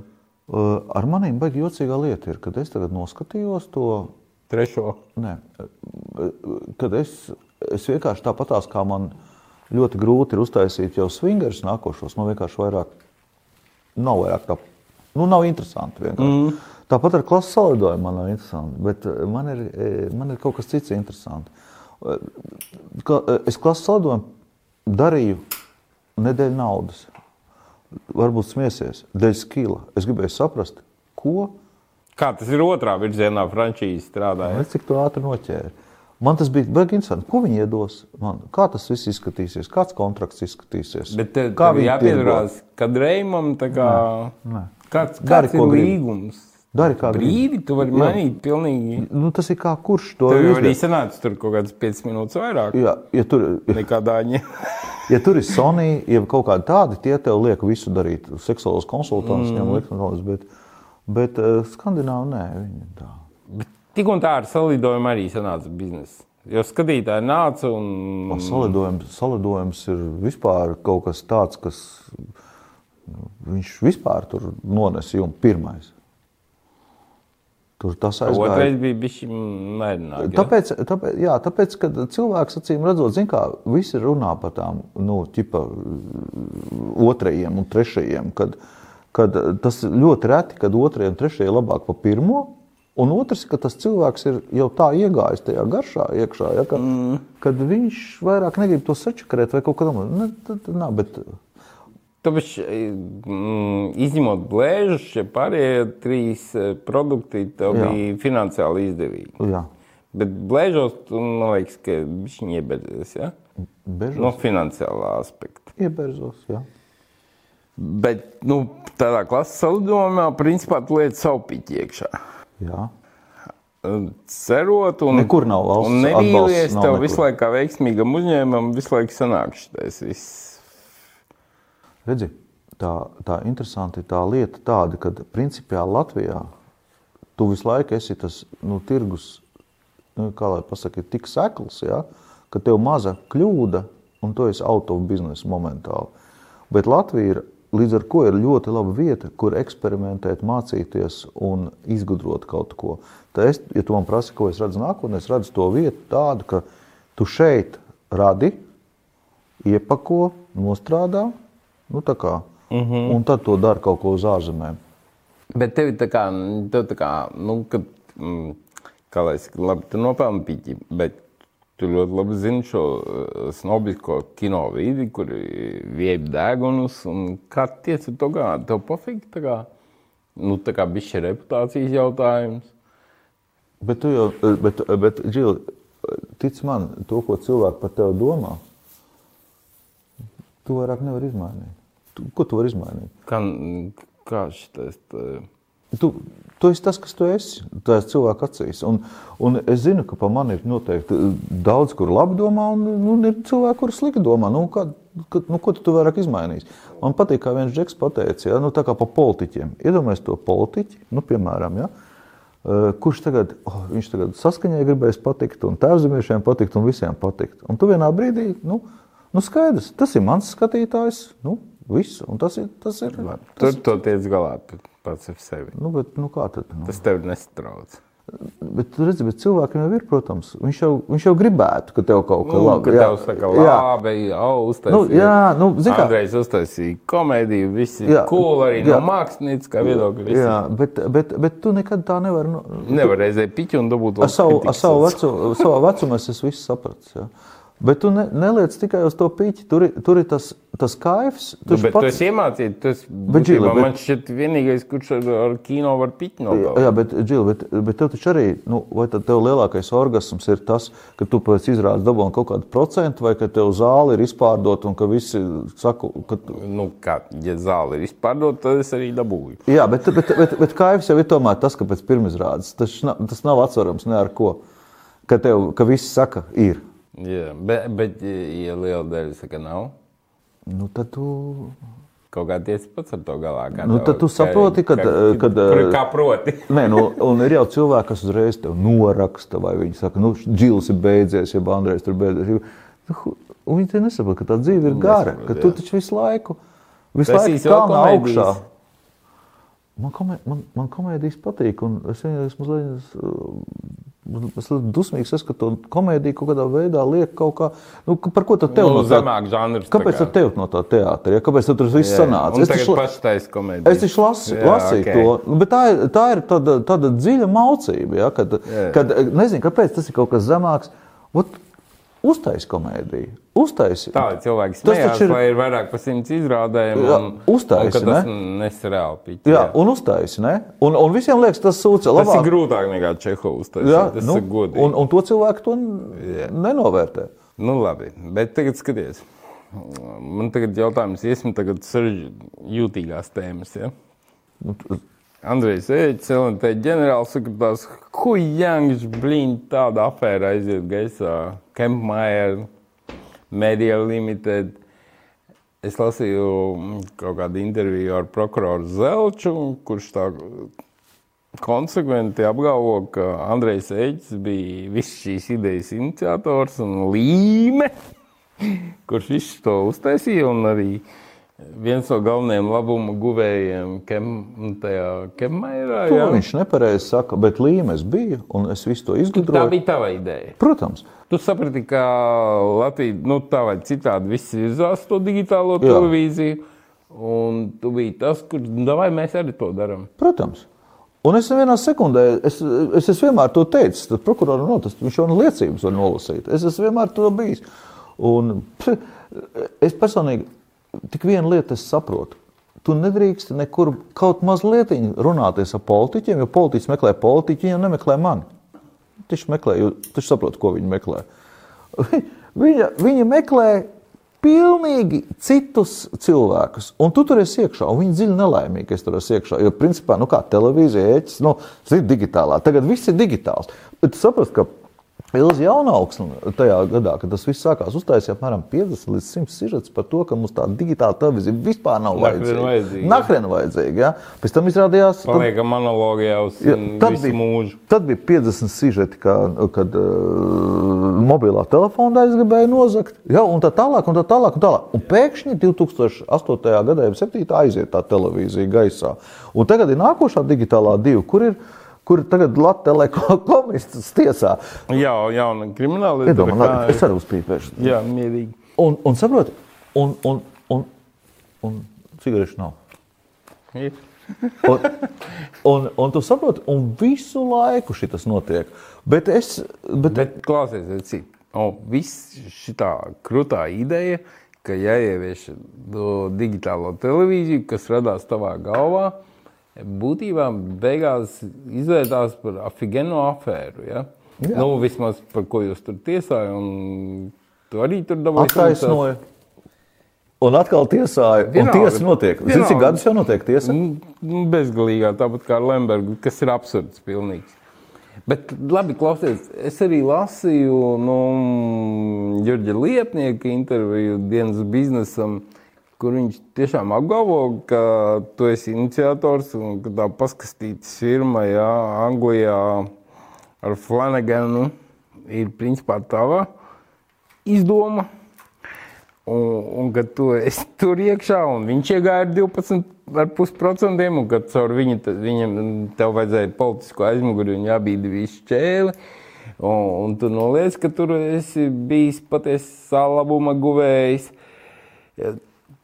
Es piemēram nesaprotu, nu, tādam Jurģim Liepniekam būtu rezons kaut ko izdomāt, melot. Redzi, tajā brīdī, kad ir, nu, lai tu apmēram saprast, ka tu esi visu laiku tādā, nu, tādā statusā, tu esi, nu, televīzija un tam līdzīgi, un tev pēkšņi uzrāda apsūdzību. No. Tas ir, tas ir kaut kas, nu, pilnīgi, tev ir tā, es atceros. Tev patika? Nē, es, es neesmu privērts. Es neesmu privērts. Es domāju, ka es nosprādu. Bija šokā bišķiņa. Es biju, no es biju šausmīgi. Nu, patiesībā ideja bija krūta un Latvijai vajadzēja digitālo televīziju. Ja? Biju. Jā. Jautājums, kā jūs to, kādā veidā tas kā tas viss noformēts, jā. Un, un, redzi, un tur tā interesanta lieta ir. Es varbūt tādu, kāds skatīsies, to, to izstāstīšu baigi, baigi interesanti. Ka cilvēks ir baigi interesantā tāda būtne. Viņš tajā brīdī tev uzrāda to apsūdzību, un tagad viņš skatās uz tevi, zina, kā teātrī. Vainīgs vai nevainīgs? Ja? Mm -hmm. Un es atceros, cik tas man bija svarīgi, ja? kad, nu, kad tev uzrādīja, tev liekas, ka tu izēji uz ielas, viss skatās viss, uz tevi kā uz kretinu. Ka tu esi baigais krimināla noziedznieks. Jā, bet tas ir tikai tevī. Īstenībā viņš skatās. Ja? Un, viņam pofīgi. Viņam pofīgi. Viņš skatās, vai tu esi beigts. Un tad ir tāds Rokijs Bilbao. Mm -hmm. Stalona tēlo. Un, mm -hmm. un, un tur ir viena skaista frāze kadrā pīpēt, kaut, kaut kas fantastisks. Un tas Rokijs bija balss, saka tādu, tādu ģeniālu frāzi savam dēlam, jo tas dēls visu laiku, visā, nu, tas Rokijs slavens boksers, un tas dēls, nu, viņam, viņš kaut kāds finansists, kas viņam tur viņam nekas nesanāk, viņš saka, tēti, nu, tu, tu esi pie visa vainīgs, jo visi skatās uz, uz, uz mani kā uz tavu ēnu un tam līdzīgi. Un, un tas tēvs viņam saka, tas saka, nu, pēc boksa. Viņš saka, galvenais nav, cik stipri tev iesit. Galvenais, vai tu izturi sitienu. Un šis stāsts viss ir par to sitienu, jo tas viss ir, nu, kā tev pasaka, nu, arī recenzija. Tu saki par kritiķiem. Tas ir kā tu turi sitienu. Tu arī, teiksim, ir cilvēki, kur noliek savu policijas žetonu, nu, es tā alegoriski saku, mm -hmm. ir saka, nu, jā, es tā varētu nekad nedarīšu un tam līdzīgi. Bet īstenībā tas jau tikai pārbaudījums. Vai tu esi pārliecināts par to, ko tu dari? Un kā tu pārliecināts par šo ideju? Kad nu, digitālā televīzija viņas, ir vajadzīga. Nu, viņi strādā. Tikai atcerieties, tagad, kad tev ir 2000, 2000, nu, no cita skatu punkta. 21. gads, kad tas viss sākās 2002. gads. Nu, padomā. Nu, bet tu piekrīti, kā izskatās no malas. Ir paskastītas firma. A, kas ir paskastīts? Kura nekad mūžā nav nodarbojusies A, ar kaut kādu televīziju. Un tagad pirmajā kārtā mums ir šādai kaut kādai kreisai, bez kaut kādiem konkursiem, valsts pārskata 53 miljonus ieparedzēts. Nu, redz, bet tu, tu tagad runā to ko, to, ko tu.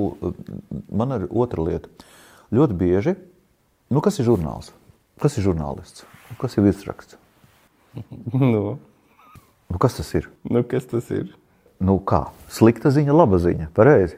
Ja tu tagad atveram, tagad, uh, lūdzu, privāto nu, zīmi. Sliktām ziņām vairāk, lielāka interese. Protams, da, palasi, okay. palasi jebkuru virsrakstu. Tagad es iesaku skatītājiem palasīt, atvērt, teiksim, uh, virsrakstus portālam, un tu redzēsi, ka tur visur dominēs kaut kāds intriga, kaut kāds noslēpums un tam līdzīgi, vai ne? Un tu tajā brīdī vienkārši esi tajā sistēmā, tajā sistēmā, un viss sacenšas, kurš saražos kaut ko vēl interesantāku. Un tad pēc šādas bieži vien tiek tiesa. Tiesa spiesta. Viņa saka, ka prokuratūra vadās no žurnālistu virsrakstiem. Nē, es tev kaut ko tādu Bet, bet tagad, tagad atļauj man, es esmu bijis tik ilgi šajā procesā. Un? Un ir tāds ļoti cienījams prokurors, kas man apsūdzēja, uh, Piliksers.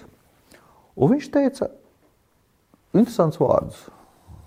Viņš saka, tagad sāksim juridisku spēkošanos. Nu, kad viņš izrakstīja to apsūdzību. Un, un ja tu ieej iekšā tajā pirmā votā, par ko prokurors saņem naudu? Kā domā par ko? Nu, par to, ka viņš rada kaut kādas apsūdzības. Jā. Viņam, jo vairāk apsūdzību, jo vairāk naudas. viņš rada apsūdzību, viņš par to saņem naudu. Un viņš nesaņem naudu par to, vai viņš noskaidros patiesību vai nē. Viņa uzdevums ir radīt apsūdzību. Patiesību noskaidro tiesa, un advokāts tev atkal aizstāv. Tātad, stāstu stāstu. Mans vecais tēvs izstāstīja. Viņa 45. gadā kaut kur iet no kurzemes katlārā, un, un viņi gājuši divatā. Viņi noķērs ir krievu čekistus, viens un, nu, krievu, nu, padomu, nu, es, ne, es ne, neaiz, nu, mm tautība nav galvenais. Un, un viņš atcerās, nu, ka klusēšana ir zelts. Ja? Viņš neko nesaka. Viņš saka, izmantošu to nu, aiz, nu, aiz, tāpēc. A viens blakus visu kaut ko stāsta. Viņš saka, nu, izmeklētājs prasa, nu, nu šajā gadījumā izmeklētājs. Viņš saka, nu, jūs gājāt, nu, ko jūs redzējāt? Nu, saka, tur līķi, tur līķi, tur tā, tā, tā, tā, tā, tā, nu, tā kurzemes katlārā. Beigās izrādījās, ka tie visi ir viņi, viņš tos visus noslapkavojas, var sakot, nu, nu kaut kāds ja tu neko nepasaki, ja, tad tev nav. Saproti, tad uh, es esmu to, es esmu to ievērojis visu lietu, kad arī, kad tev saka, kad amerikāņu filmas tu skaties, tev saka vienmēr tā, ja tu, sakot, tev ir tiesības klusēt, tev ir tiesības advokāt, tad tam, tam līdzīgi. Un pēc tam galvenais, ka tu vari nerunāt, kamēr tev nav advokāts atnācis. Jo, kad tu, ka tu pēkšņi no tā izmisuma, lai tiktu vaļā, mm. no tā visu var kaut ko, kaut ko tādu sarunāt, ko nevajag. Kaut ko, kaut sarunāt, ko nevajag. Ne tā pasaka, ne tā paskaidro, un pēc tam tu to nevajag. Atcerat, ko es tu gribēju pateikt? Ka tā ir juridiska spēkošanās. Prokuroru uzdevums ir tevi apsūdzēt. Vienkārši, vienalga, viņa uzdevums nav pat pierakstīt. Nē, viņš teica citādāk vai kaut ko tam līdzīgu. Viņš par to naudu saņem. Bet tu, tu pats, nu, tagad ko darīt savādāk? Savādāk. Uh -huh. Atsakot, tos, ko tu saki, paskastīšu firma, tas ir vienkārši nekorekts žurnālists izdomājums. Bet kāpēc? Tāpēc, ka rietumu pasaulē šo sauc par SPV, Special Purpose Vehicle. Es uzrādīju speciāli kaut kādu firmu. Tu uzrādīji. Tiešām nekad nav mūžā nodarbojusies ar televīziju. Bet ieklausies manī. Un, un pārskatām diezgan liels līdzekļus no SPV, jebkurš finansīs, zina, kas tas ir. Tas ir special purpose veikals. Tu apvieno šajā firmā cilvēkus ar kaut kādām zināšanām, bet viņi tiešām ir radīta speciāli priekš šī, Projekts. priekš šī projekta. Piemēram, ja tu uh, gribi radīt uh, filmu uh, Polijā, nu, tos pašus swingerus, tu ar to cilvēku, ar ko tu sadarbojies, uztaisi special purpose veikalu par to, ka šī firma turēs šo licenci, un, ja nāks nauda iekšā, tu jau dalīsi tā un tā. Pat neatkarīgi, ka, ka šī firma nav saistīta ar kino industriju. Viņai, viņai nē, nu, protams, ka nē, bet viņai jābūt. Mē, mēs bet- šobrīd runājam par uh, privātiem līdzekļiem, nevis par valsts līdzekļiem. Bet šai firmai jābūt iekšā tam saucamam know-howam. Viņai jābūt ir zināšanai, viņai jāvar piesaistīt cilvēkus ar zināšanām. Okay, mēs runājam par to, ka Flanagans, piemēram, nav nekādā saistībā ar kino industriju, nu, ar televīzijas digitālo industriju, dēļ jebko. Bet viņam nav jābūt Viņš ir labs uh, te, teiksim, Accountants? menedžeris, jā, jā, jā, jā. Bet tu nenoliedz, ka tu norganizēji šo firmu.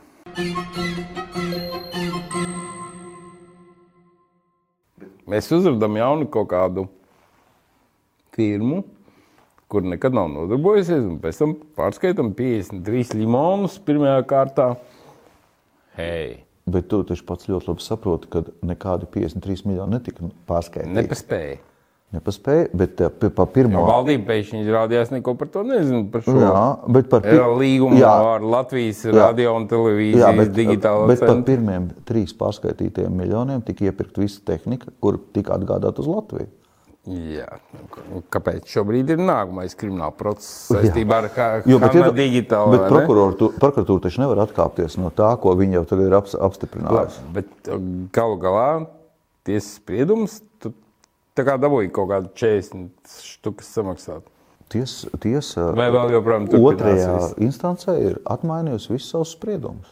Bet kāds ir Nu, augstā- trešā- attiecībā uz tevi? trešā Galējais spriedums. Spriedums, eh, spriedums nav. Nav tiesa notikusi. Tāds ir tagad.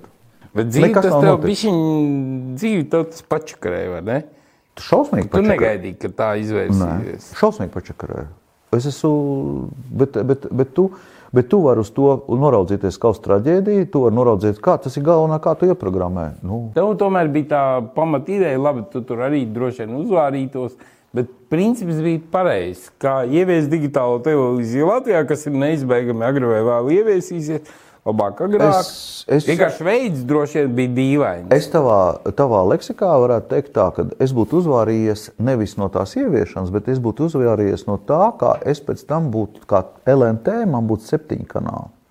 Nevis viens kanāls. Jo tā ideja, kas ir digitāla analogais, ir ļoti resns signāls, un tu tajā vienā resnē signālā varētu salikt septiņas programmas iekšā. Tā es būtu uzvārījis. Vienā vietā Tas septiņi mans, mans, mans vinas būtu pavisam citā vietā. Tajā vietā. Jā, tas ir. Tas ir, tas ir tā, tā, padomā pats tagad. Tu kādreiz varēji tirgot tik analogu, kur bija vesela programma, tad tu varētu tirgot kaut vai vienu filmu atsevišķi. Nu. Labi, bet kā tu komentē to, ka pēc Stokholmas tiesas sprieduma bija jāatmaksā valstī tie pieci limoni, un, nu, teiksim, nepārprotams, kāds ir publiskā vidē, Andrejs Eģis aizņēmās no, And, no Andrus Čēles piecus limonus un nomaksāja. Nu, tur bija vairāk miljonu. Vairāk? Es tur tā kā palicis parādā šķēlēm. Nē, tur bija citādāk. Tur bija tā, ka es no viņa nopirku visu tehniku. Un, un ja es neatdevu laikā, tad tā visa tehnika tomēr aizgāja viņam apakaļ. Kuri tagad vienalga tika notirgotas ar Handīta, un izrādās, nekur tur īsti zaudējumi nebija. Par ko tagad Šlesers un Šķēle apsūdz jaunā tas, krimināla tas, jā, tas vairāk nav mans gadījums, bet es tajā vienā brīdī gribēju līdz galam aiziet ar to projektu. Man tas bija svarīgi. Bet tu nevienā brīdī nejūti, ka tu esi tā kā bišku afērists. Vai tad tas bija tomēr tāds vērienīgs projekts, kurā es eju uz kaut kādas riska zonas? Bija tāds, uh, bija tāds uh, takers, amerikāņu filma ar Jeff Bridges galvenā lomā. Un piecas lielākās autokompānijas, amerikāņu, nu, tas, Bridge, ko viņš izdarīja? Tas takers žurnālā uh, izgudro, bija, bija, atsakot, bija izgudrojis jaunu mašīnu. Nu, un viņš bija žurnālā uz vāku uzlicis, ka takers, tā arī sauktā tas, tā mašīna. Ja? Un bija tikai bildīta. Un viņš bija savācis no amerikāņu investoriem naudu. Un viņš solīja piegādāt 200 šādus takerus. Ja? Un tur bija kaut kādi cilvēki nopirkuši. Tā kā Ilons Masks apmēram, nu, ka viņš sataisīs tās Teslas ja, pašā sākumā. Un tie cilvēki notic un samet viņam to piķi. Un tās piecas kompānijas saka, bet viņam taču nav ekspertīzes, viņam taču nav tas, viņam taču nav tas. Bet viņš beigās uzvarēja, jo viņam pie tiesas, kad bija tas spriedums, viņam piebrauc kaut kādas tur piecas pirmās tās, tās mašīnas, kuras varēja redzēt, ka viņas ir strādājušas un tam līdzīgi. Un man arī likās, ka būtu baigi forši, nu, kad aizvelk to projektu līdz galam. Ja viņi saka, nav iespējams, nav ekspertīzes un tam līdzīgi, bet man bija svarīgi, vēl tiesas laikā to, to digitālo televīziju iedarbināja. Viņi sāk strādāt visā Latvijā. Saproti?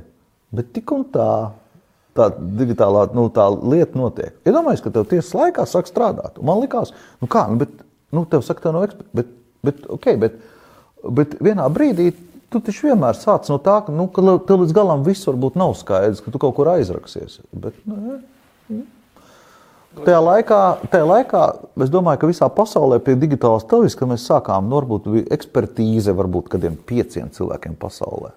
Un tad, protams, tagad tas viss jau ir pieejams. Bet tu visu laiku noliedz, ka tu biji tur daļā tajā kamā ir kaut gan Jurģis Lietnieks, kurš tev ir izcinājis sarunas, un viņš dienas biznesa intervijā arī diezgan teica, jo, ja es, ja es ieju arī ar 12,5%. Es taču zinu, ka tu tur esi, es ar tevi runāju. Bet tas, ko viņš Un zina, tu, tu tā kā tiesā pilnībā noliec, ka tu tur Jā, biji. tas, ir, kā- tas ir tas, ko viņš zina, nezina. zina tas, ir, tas ir katrs, ko zina. Tu varētu mierīgi iziet melu detektoru. Es ap citu, to es arī gribu izdarīt šajā laikā. Varbūt tev labi uh, psiholoģiski nosēdz, tu esi sasniedzis kaut kādu meditatīvu fonu, kas var apjāt arī Bet detektoru. kāpēc saka apjāt? Nu, labi, liekam mieru šitam, cik var saprast, tā epopeja turpinās. Digitālā televīzija sen ieviesta, bet tagad ir jauni krimināllietē ar to Gintara Kavača mm, bijušo Hanu digitālu, jo tie, tie aparāti viņi vai kā kastītes, ja, tik un tā bija iepirkts un pēc tam tik un tā tika liktas lietā, ja. Kādā Kas ir loģiski. jaunās schēmās. Kas ir loģiski? Jā. Īsot, bet tu pazaudēji to naudu uz šo visu pasākumu. Jā. Tu tiešām reāli savus līdzekļus pazaudēji. Jā. Ka Neskat, principā varēja uzvārīties, bet sanāca, ka viņš pajāra. Es pazaudēju citādāk. Es, es esmu Un pazaudējis. pazaudēja bišķi reputāciju, teiksim. Es esmu, paz, es esmu pazaudējis ļoti daudz uz advokātiem un tādām lietām. Jo, Ā, nu jā, visu laiku vajag apmaksāt, protams. ļoti, ļoti. Tas ir, eh, sakot, tas ir ļoti dārgi, lai saprastu visas šīs lietas. Es nekad neesmu sēdējis uz mm, apsūdzētā sola. Kāds ir tās sajūtas? Teiksim, īpaši sākumā, kad diezgan skarbi, man liekas, tie nu, pirmajā instancē. Visstrakākās sajūtas ir tad, kad tev ielaiž žurnālists, jau ka tas vienmēr būs tikai no otras puses, Jā, un tas tu ir- pēkšņi sēdi. Un, un tu jūti, ka tas žurnālists, uh, nu, Jau redz tevi noziedznieku. Nē, kā- viņš, tas, bet viņš jau ir. Es jau nevaru pārmest. Viņš gaida visu laiku, ka tu to galvu nolieks. Nu, jau kaut kā tam līdzīga, lai, atspoguļotu notiesātais. Nu, teiksim tā, ja? Ar tevi visu laiku jāstāv tā un jāskatās. Ir. Jo tu jau zini, nu, kā tu, kā tu nu, žurnālisti jau arī, nu, viņš jau arī, viņam vajag piemeklēt to bildi, kā izskatītos, ka Džeks ir vainīgs, reku noķerts vai kaut ko tam līdzīgu. Un tas ir visgrūtākais vienmēr, jo tas, tas ir Izsakot, nepatīkami. otrreiz šitajā visā nelīstīgi. Nekādā gadījumā. Vai lī, līstu gudrāk? Jo patiesībā ideja jau bija pareiza. Biznesa ideja jāievieš digitālā televīzija, kas ir neizbēgami. Biznesa redz Vienkārši sanāca kaut kā nu, pa pakšķiem un kaut kā tā. Tu man laiku pa pakšiem. tā. Ne, biznesa vispār ir tāda, tāda lieta, kurā jebkurš darījums, jebkurā brīdī tev var pateikt, ka tev kaut kas nav līdz galam. Nu, kā. A, ka- Kāpēc tev kāpēc nedomāji, ka to darīt kaut kā drusku legālāk? Tajā brīdī neienāca prātā, ka vajag kaut kādas čaulas firmas, offshore. Nu, nevarēja tajā brīdī taisīt to visu Redzi, legālāk. mēs esam nonākuši tagad citā situācijā, esam Latvijā. Iedomājies, prokurors, kas pirms tam ir tiesājis. Par zeltu mēs runājam, vai par nav svarīgi, es vispār filozofiski runāju. Prokurors, kurš pirms tam ir tiesājis tos, es nezinu, tu saprotu, bet tu saproti, skatīties, farsovšikus. Mm -hmm. Un tagad tas kādreiz bija noziegums, jā? Ja? Tas tagad vairs nav. Nu, un kas vispār ir? Ja, nu, tirgu, bizness, tirgus ekonomika ir, nu, tad tu nopēc kaut kur nu, lētāk, pārdod dārgāk. Un cik procenti ir? Ja te jau runa arī par to, cik tev ir uzcenojums, ja cik tev nav uzcenojums mm. un tam līdzīgi. Tā kā faktiski tas, tas jebkurā brīdī var būt tāds interesants solis. Ja? Nu, bet tas vēl turpinās, viss vēl nav beidzies. Ja? Vēl ir, vēl ir pēdējā kaut kāda instance, ja? un tad pēc tam viss ir cauri. Es zinu, ka man vienkārši vienmēr ir interesanti. Tā to, tiesa notiek tik ilgi, tik ilgi ja? kad ir tāds sajūta, ka tiesu sistēma domā, ka tu esi nemirstīgs. Nu, ne, ne, bet, nu, tā pa... arī Lemberga gadījumā. Ja, bet padomā, ja tev, ja tev viss notiek jau, taksim, pirmās atsūdzes dažiem bija 2003. gadā, ja, tas ir 17, 19 gadi. Tas ir cilvēks, izauga, piedzimst, izauga līdz pilngadībai. Bet, bet tomēr, nu, tā kā tiesa tomēr nu, pielēma un prokuratūra pierādīja, ka kaut kāda afēra tomēr bija. Labi, tev, tev grūtāk pierādīt un šķēlēm, jo jūs papīrus kaut kā mācījāt sakārtot, bet daži džeki tomēr kā Kronkorns, viņi Latvijā. tomēr dabūja sēdēt. Reāli. Latvijā neviens nav sēdējis, neviens nav apsūdzēts, neviens nav vainīgs. Latvijā ir trīs pakāpju tiesu sistēma, kurā nu, katrā reizē, teiksim, pirmajā bija šāds spriedums, otrajā šāds spriedums, un tad augstākā tiesa visu atmaina, nu, senāts. Nu. Mm. Tā kā un, tev nav neviens. Tu varbūt desmit gadus visu laiku apsūdzēts, visu laiku čakrējies, maksā advokātiem, un pēc kaut kādiem desmit gadiem tev pasaka, no nu, labi, tu esi nevainīgs. Tā, tā, nu, nu, piemēram, nervus, krējis naudu. Piemēram, piemēram, mans kolēģis, ko mēs vienmēr kopā bijām, Ojās Rubens, ja?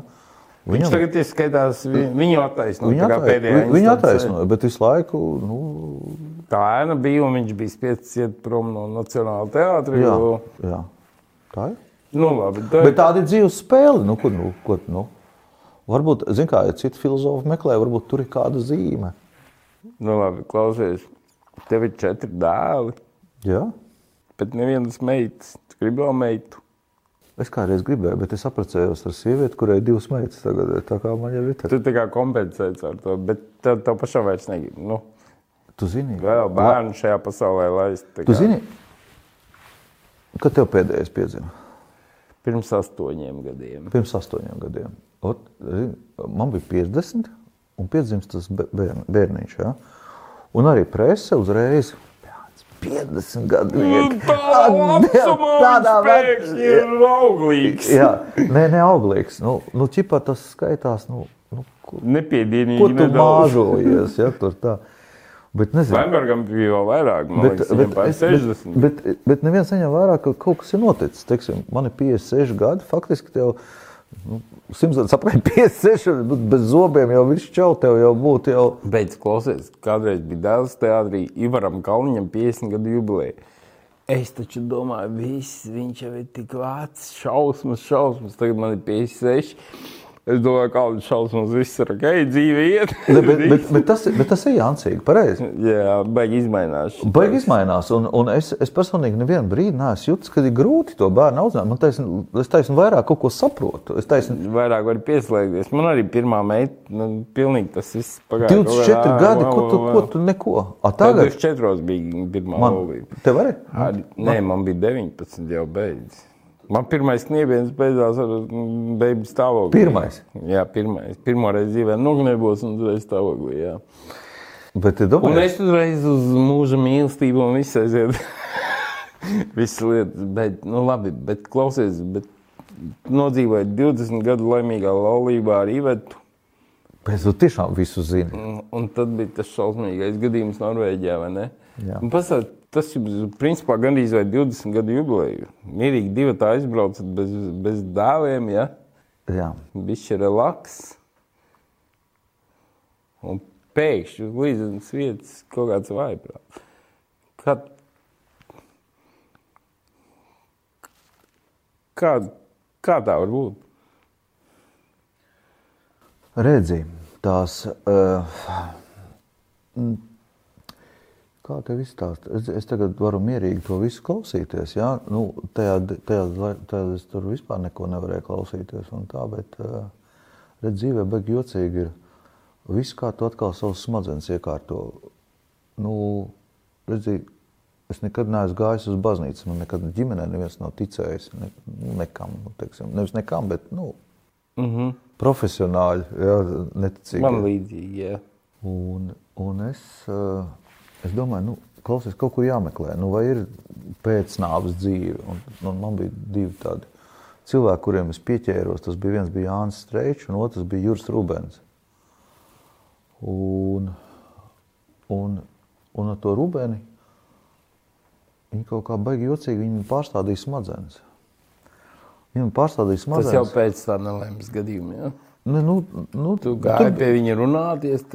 Tur bija citādāk. Es aizgāju trīs reizes uz baznīcu, un es sapratu, ka es neko nejūtu. Vispār neko. Tas jau pēc sievas nāves. Nu, Pagaidām, sievas nāve, bet tu. Vai man, pirms tam jau gāji uz baznīcu? Nekad neesmu bijis.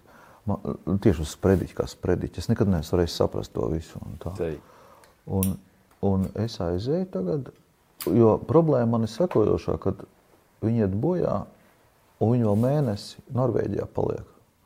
Jo tur ir izmeklēšana, jo tas ir nelaimes gadījums. Apdrošināšanas nekas nestrādā, nekas nav. Kad nestrādā, jo? Nu, tāpēc, ka iet izmeklēšana. Nu, izmeklēšana. Nu. Bet jūs braucat ceļojumā, nav nekāda apdrošināšana? Nē, tu nesaproti. Ja tu, nu, tu brauc ar sniega motociklu, jā, un ja otrs motocikls, kas nav manējis, uzbrauc viņai virsū, un iet bojā, tad iet izmeklēšana. Nu, vai tas ir bijis laimes, nelaimes, nu, vēl kaut kāds gadījums un tam līdzīgi. Un, un faktiski viņi tur ir. Iedomājieties, es tajā mēnesī tā pakārtā stāvoklī. Bet tu esi tajā laikā Norvēģijā vai Nē, es esmu šeit? Tu esi uzreiz atbraucis. Jā, un, apakaļ, jā. Un, un, un tas laiks, tas viss trakākais ir. Nu, kad tu neko vispār nu, tā, tādā kosmosā esi. Un, un, un tad es tāds baznīcas un visu kaut ko, ko es tur, bet es neko nesajūtu, neko. Un, un es atceros, ka es uzvanīju Jurim Rubenim kaut kādā veidā Es kaut kur biju pirms tam saticis, un, un es, man bija vajadzēja kaut ko izrunāties. Un man, un viņam bija slikti, viņš pats bija slimnīcā. Un, Mēs kaut kur zin, aizgājām, zin, tādā noliktavā, kur kaut kāds gultas bija. Es atceros, viņš, viņš man ātri izstāstīja. Viņš saka, nu, es ļoti īsinātā veidā izstāstīšu. Tad, tad viņš saka tā, ka tu jau tagad pinkšķi par sevi. Ja tu esi kaut kādu daļu no sevis pazaudējis. Nē, viņš saka, tu pinkšķi no sevis. Viņi ir citā līmenī. Viņa jau ir tur. Kāpēc tu raudi tagad? Varbūt viņai labāk ir, ko tu zini. Varbūt tur ir kaut kāda cita pasaule. Un viņš to salīdzināja ar bērnu dzimšanu. Viņš saka, nu kā bērns ir sievietes ķermenī, vēderā, jā, un nu, pēkšņi viņam ir labi, viss silti, un pēkšņi kaut kāds nezināms spēks sāk stumt ārā. Pēc tam izstumj ārā, un tur izrādās vēl lielāka pasaule. Mēs jau nezinām. Varbūt viņa ir tā kā nākošajā pieturā. Nu, es tā sev sakārtoju, visus tos smadzenes ka man nav jā, jāraud, bet man ķipa būtu mazliet jābūt priecīgam, ka viņi jau tur ir. Nu, mēs visi nomirsim, vai ne?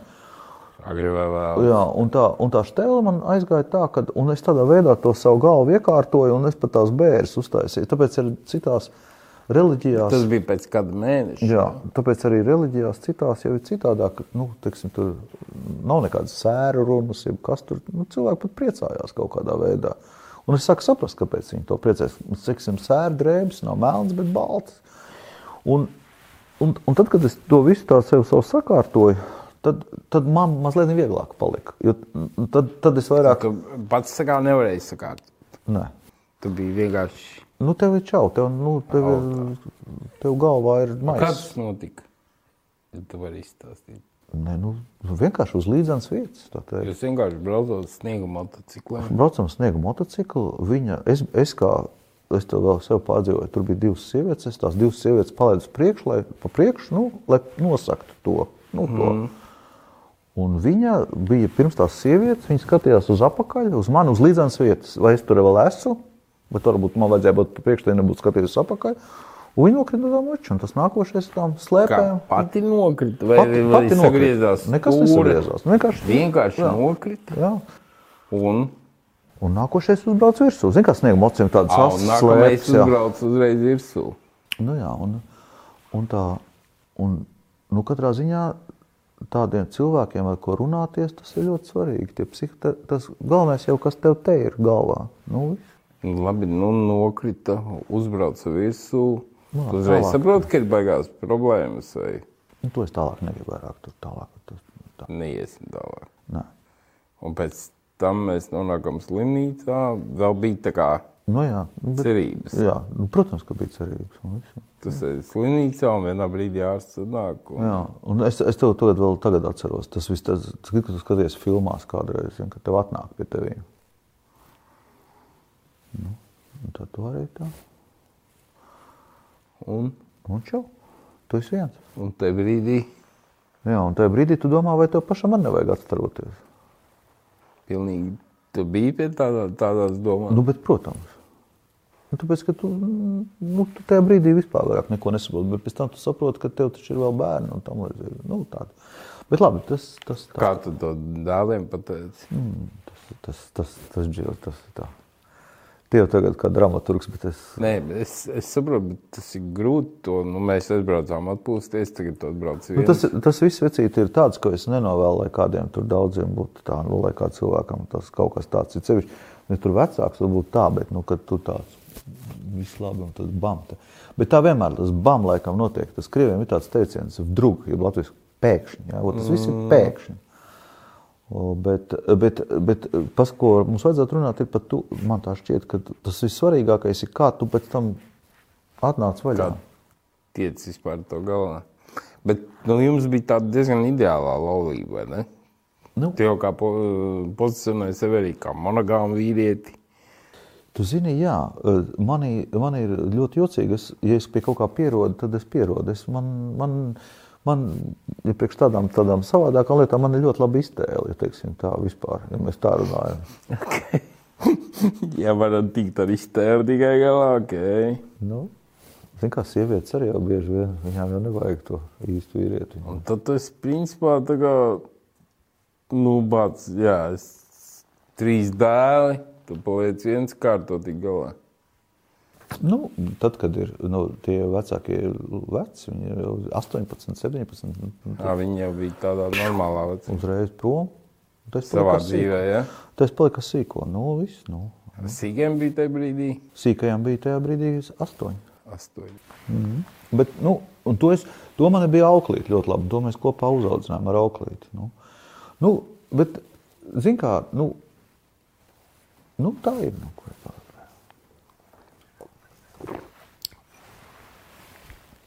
Nenodzēries tajā brīdī. es nemāku dzert. Es varu, es, es varu, man es dzīvā neesmu varējis otrā dienā iedzert. Es nesaprotu, ko Man līdzīgi. Man līdzīgi, tāpēc es arī man nav problēma ar alkoholu. Es nezinu, ko nozīmē, kā tas ir. Ko, kas ir nu, labi, kaut kādās kāzās otrā diena, ok, var lāpīties. Tur. Bet es nemāku uzlāpīties. Man uzreiz galva sāk sāpēties šausmīgi. Man ir, man, es tā nemāku. Es, es būtu gribējis nodzerties. Saproti? Nevis nodzerties, bet dzert. Nu, aizmirsties. Teiksim, Jā, es būtu gribējis. tā.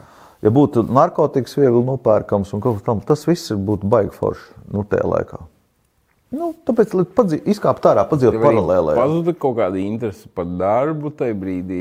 Nē, tas bija, tas bija vienīgais, kas man kas bija Ā, narkotika. Tas, tas tā kā palika. Nu, Jā, un- man jāizdara tādas, tādas lietas, un, Un ienīdu, daru. jā, un ienīdu nāk, uh, sestdienas, svētdienas, kad piekdienas vakars, kad visi laimīgi aizskrēja uz ballītēm.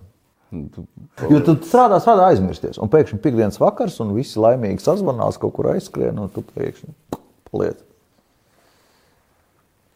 Mm, Man ir grūti to iztēloties, ja es neesmu ar to saskāries, bet nu, es nojaušu, kas tas ir par vājprātu.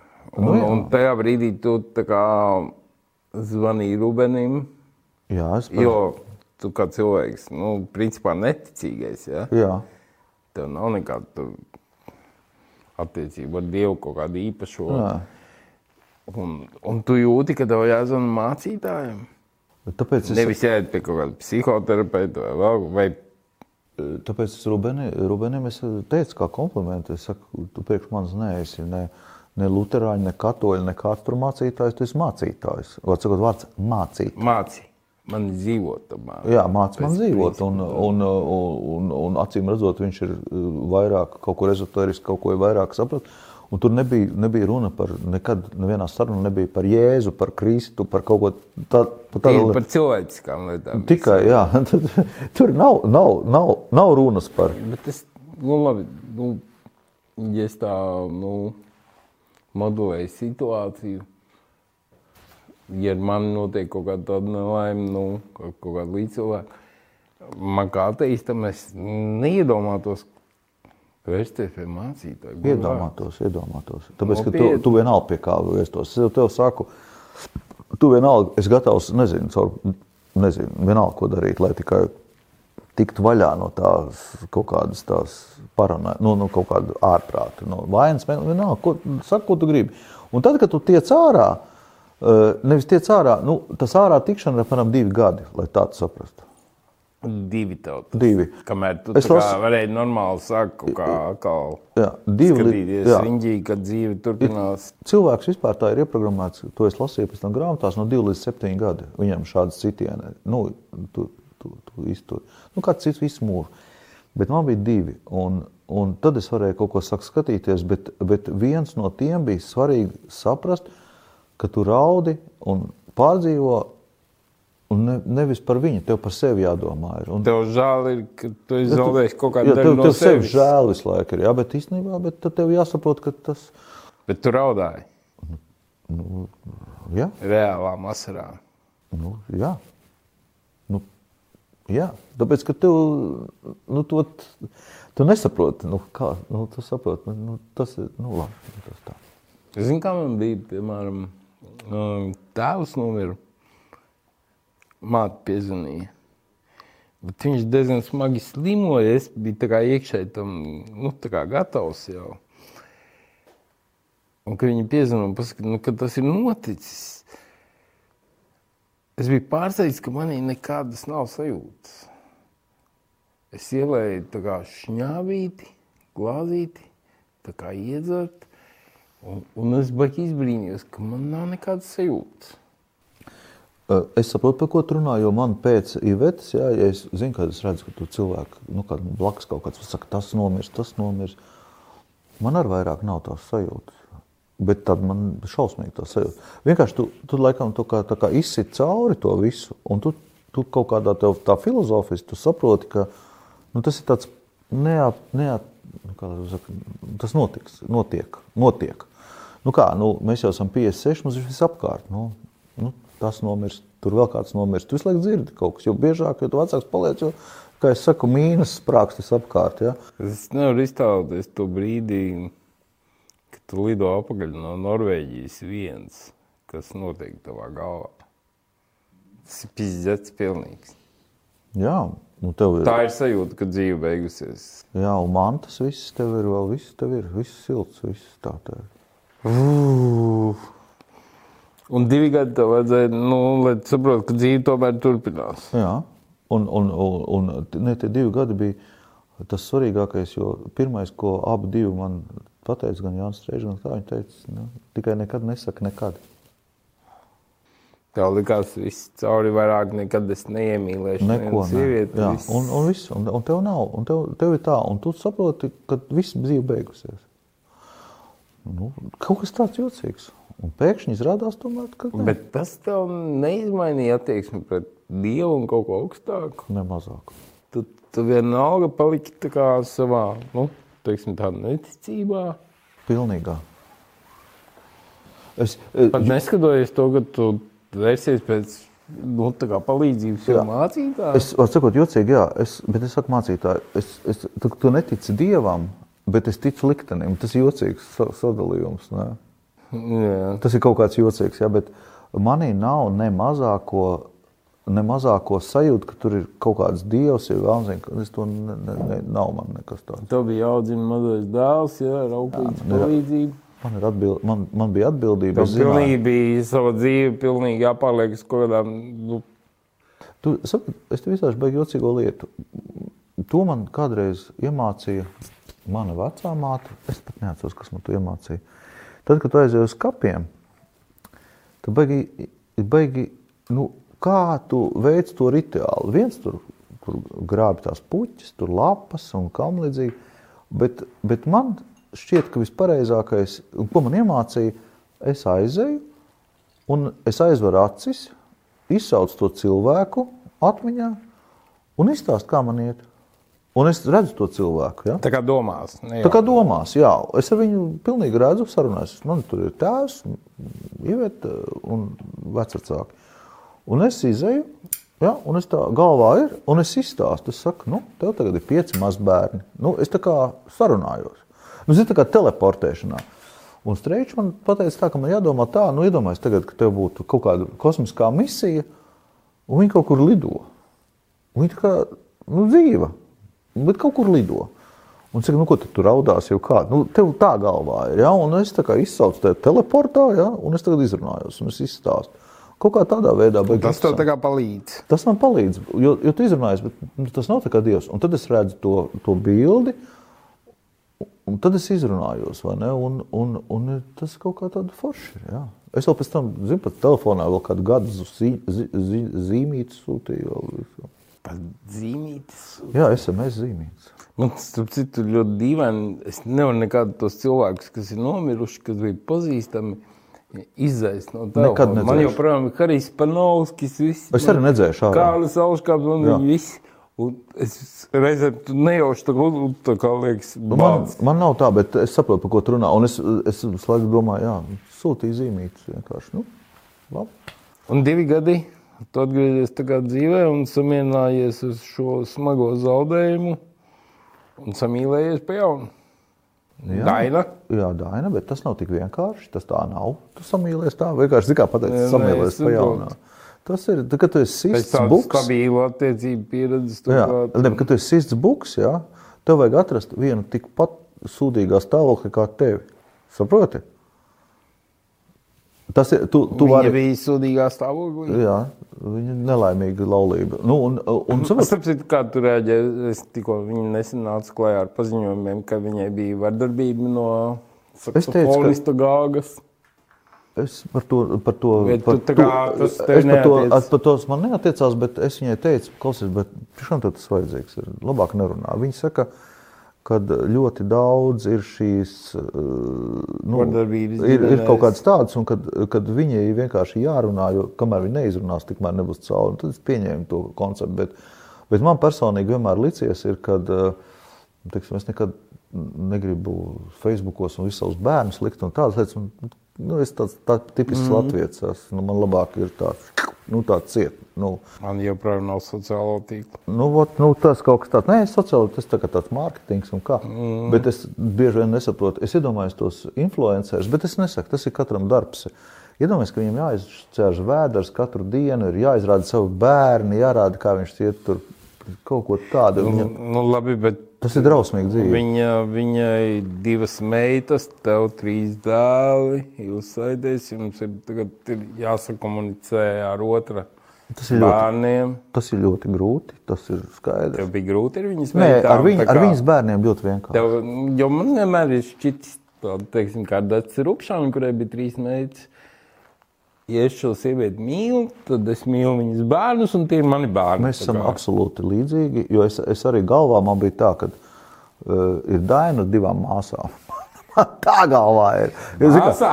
Nē, nu, nu, nu, tā kā komplekta prazničnī. Nu, nu, vienkārši, un, un ļoti daudz saka, ka, nu, ka vīrietis nevar iemīlēt, nu, kā tas ir sieviete ar bērnu. Man tas arī Es es to saprotu, nekad kā nevar iemīlēt sievieti ar diviem suņiem. Nu, jā, Jo tur ir problēmas, bet ar bērnu. Nu, Pilnīgi. Es arī nesaprotu kur, nu, kur, tikpat- tas no veciem laikiem, ka es, nesaprotu, es arī nesaprotu galīgi to vispār to veidu. vai ne? Kāda starpība? Tu taču to bērnu, nu, viņš taču izauga lieli, no ko, nu, taču, nu, kā, nu, A Kā viņai ir taviem dēliem, trijiem?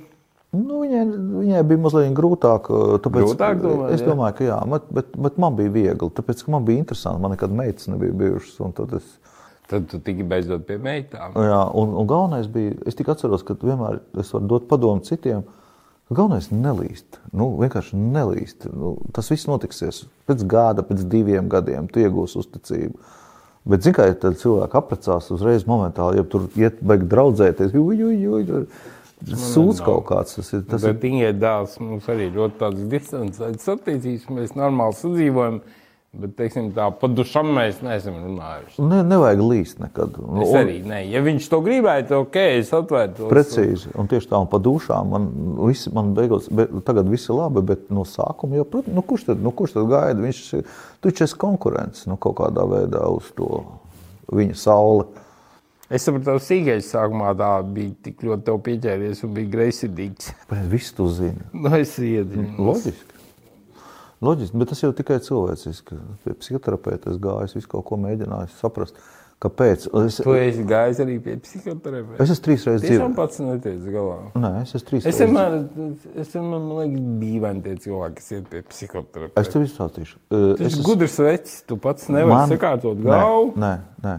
Uh, nē, es tev izstāstīšu. Uh, es esmu bijis trīs reizes psihologa. Es varu pat tādu uz rokas pirkstiem. Ja? Un es, es eju vienmēr, es atceros, es atceros, man pat zilniecēm bija tā. Man, man visi teica, ko es tam, nu, pēc tās nāves jāiet pie zilnieces, ko tur, kā tur. Un es domāju, neticēju. Un es aizgāju pie tās zilnieces, un es iztaisīju eksperimentu pats ar sevi.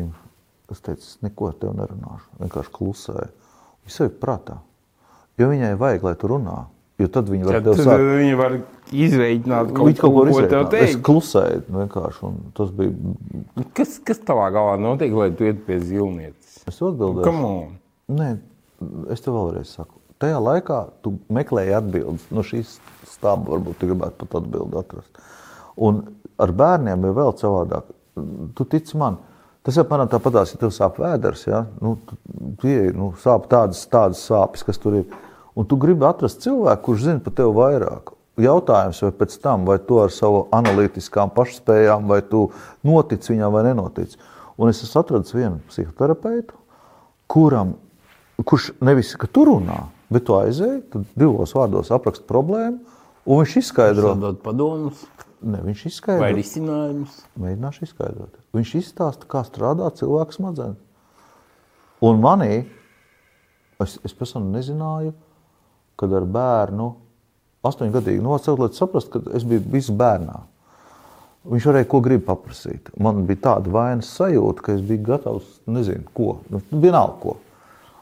Un, un tad viņš man izskaidroja, ka es sačakarēšu. Un tad viņš man izstāstīja, nu, ka katram cilvēkam ir vajadzīgas robežas. Nu, kā robežas vienkārši, ka, nu, ka tā kā robežas. Do, tā viens saruna, viņš pateica robežas, un viņš man izstāstīja, kā jā, jāprogrammē tas otrs cilvēks ar tām robežām. Es to nezināju, man jau nebija kam paprasīt. Gatavs. Un es no tā, tā bija, es ļoti daudz ko iegūju, jo mēs novilkām robežas vienkārši.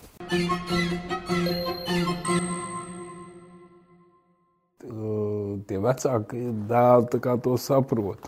Bet tam sīgiem, man liekas, viss sarežģītāk. Kaut kā jocīgi. Viņam pateica, un viņš vairāk nekad neuzdeva šo jautājumu. Vispār neuzdevā. Nekad. Un no Cik tā tev tagad- vēl sūdzīja. cik viņam tagad jau ir? 21. Sīkākajiem. Jā. 20, 20. Jā. Arī jau liels. Ne, bet saproti, un nekad. Čuks, no tā vakara. Bija interesanti. Viņš kaut kā, tā kā noliek kaut ko Es nezinu, es vēl tagad- no to failu. Man vēl tagad bail paprasīt, kas viņam tur notika. Kā Tajā. jūs vairāk par to neesat runājuši? Bet... Nu, su- tev ir mazbērni. Pieci. Pieci mazbērni. Afigēti. A, Cik tev? Klausies, kāpēc tev man divi tikai? Nē, man trīs. Nevar O, saskaitīt. ja padomā. A, Klausies, es esmu pamanījis, ka tā, nu, jaunā sieva Daina mm, filmās parādās kadros. Nu, jā, nu, Tas jums tā konsekventi, tas tā kā Nē. laimīgs. nē, tas tāds, tas tāds, tas tāds, nu, kā te pasaka, nu, fa, nu špās, nu, nu, nu tā. Vai, vai, šitad, šitad, ja? Vienmēr viņai ir kaut kāds tūplāns. Ne, Džili, iedomājies, tu pazūdi uz mēnesi, uz divām nedēļām, uz trīs nedēļu filmēšanā. Un tad tā kā kompensē šādi. Tas nav tā kompensācija. Nu, tu, tu paņem līdzi, nu, un tu paņem līdzi, bet tad, kad tu paņem līdzi, nu, tagad mums Maskavā bija jābrauc pie Nagija. Nu, es arī, nu, es paņēmu līdzi, ne, tur nenofilmēju, bet, bet nu, ko tad, nu, davai, nu, ko tad? Vienmēr katrā, kāpēc ne? Jā, nu, kāpēc Bet ne? viņi, viņi ir tā kā mākslinieki, dizaineri. Viņa, eh, es viņu tāpēc arī iemīlēju, tāpēc, ka viņa skatās uz dzīvi mazliet savādāk. Un man visi interesē cilvēki, nu, piemēram, nu, ko tad, Kāpēc cilvēks skatītos varbūt mūsu šo interviju? Nu, tāpēc, ka viņi gaida, ka es pateikšu, ja tu paprasīsi man kaut ko tādu, ko viņi nezināja, nu, kaut kādu mm. jaunu informāciju. Ja? Man ir interesanti, ka blakus man ir cilvēki, kuru es varu pētīt, kur kaut ko jaunu pateiks, kur kaut kas, kur tev kaut kādā redzēs asociatīvā domāšana, nu, kaut kas tāds, man tas vienmēr patīk. Mm. Viņi ir savādāk. Nu, tas arī man... Nopirka tevi. Jā, Kā jūs iepazināties? Tur nu, es kaut kur lasīju, ka jūs caur internetu. Caur internetu, jā. Bet, Bet, Aha, bet, bet, Tu bet, biji tik izmisis, ka tev vajadzēja sākt man vajadzēja kaut ko ar sarakstīties. Es to tūkstots, lapas, tūkstots vēstules. Jā, Tev vienkārši vajadzēja kaut ko izlikt. kaut kur aizmirsties, kaut kur iedomāties. Jā, viss, jā, bam, bam, gatavs. Traki. Nā, kāpēc tu maini? Kāpēc tev tās sievietes mainās? Kas tev, ko tu meklē tajā nākošajā? Es nezinu, kā man mm, čoms eh, Vladislavs Nastāšovs teica, droši vien es esmu gejs, jo tāpēc sieviete es nevaru atrast piepildījumu mainu viņas. Viņš saka, paskaties, vīrieši. Es Nē. nezinu, Nē, es nezinu, tā kaut kā notiek. Kamēr tu Tagad- meklē to tagad savu ideālo sievieti, nu, Ideālo tiešām? nu, ideālo. Tu liekas, jā. ka varētu būt ideāla sieviete? Jā. Nu, es domāju, ka es esmu beidzot, es beidzot esmu orientējies. kas saka. Un paldies, tev, Andrej. Man bija tiešām ļoti interesanti. Un, un droši vien es tev varbūt kaut ko, ko tu gribētu pateikt, neesmu pajautājis. Kas ir varbūt kaut kas tāds, kas tevī tādas baigās dziļās padomas ir izraisījis. Nē, vecīt, man būtu, man, man, nu, zin kā, zin kā, baigi interesanti ir, eh, man vienmēr ir interesanti, tad, kad man ir interesanti, nu, viss. Nu, nezinu, lai paliek kaut kas pārējām intervijām, tu vienkārši tik rūpīgi sagatavojies, ka tu esi visu izlā, dosjē, pilnīgi tev visu uz galda, nu, tas ir starp interesanti. citu, divas nedēļas to darot, man bija sajūta, ka es esmu nenormāli tevi satuvinājies. Bet tā tas ir dzīvē, es zinu, tāpēc, ka Es izlasīju pilnīgi visas intervijas, ko tu esi devis. Pilnīgi visas tās filmas noskatīju. Bet, tu zini, interesanti. Es tev, es tev izstāstīšu vienu stāstu. Mm, Es nevaru saprast, kāpēc tiem fucking muzeķiem tā veida, nu, zina, jaunībā likās, kāpēc viņi var kniepties pa labi, pa kreisi. Nu, kāpēc? Nu, kas, kāpēc? Tikā... Kas viņam tas par bonusu? Jā, kas viņam tas par bonus? Nu, ka tu jaunāks vīrietis, mm. es tagad, tagad citādāk. Un, un, un, un tad es sapratu, vien, man viens izskaidroja, rokstārs. Viņš teica, nu kā, viņi nāk uz taviem koncertiem. Viņi visu laiku stāv zālē, atkārto tavus dziesmu vārdus. Viņi kaut ko domā savā iztēlē, un viņi ir pielaiduši viņu tik tuvu. Kad tajā brīdī, kad pēc koncerta džeks iznāk ārā, viņš var tikai parādīt šito, šito, šito. Un viņi ar tevi jau nu, ir ielaidusi tajā intīmajā zonā. Viņa nav nekāda ne slikta sieviete, nekāda. Viņa vienkārši jau ir uzbūvējusi to savu sapņu princi. Ne? Nu, tas tā ir. Tev, jā. Un otra lieta bija tas, ka Andris Bēziņš, vienreiz aktieris, baigi drausmīgi izrunājās. Es domāju, nu, kā viņš tā? Viņš saka, viņš satiek sievieti, viņš ir aktieris. Viņš tā noskanēja, viņš saka, ah, gribu kolabriņu jaunu, babāk tev. Vai ne? Nu, kur tev vajag? Kuru džeku tev vajag, vai ne? Un tas tā ir. Un tas, ka tu izpēti kādu cilvēku, tad jau tu jau to, to algoritmu.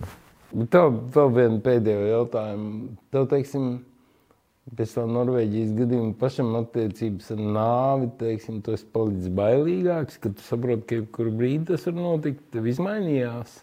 Nu, redz, tad tev var tas interesē. Man, eh, man, man baigi jocīgi bija. Mēs ar Ivetu braucām kādreiz ar lidmašīnu. Un jaunībā pirmā reize braucu, tev ir bailes. Viņas sakustās Jā. tā. Tad es atceros, man vispār nebija bailes kaut kādu brīdi. Nu, pofiks tur. Tad piedzima bērni, es atkal sāku.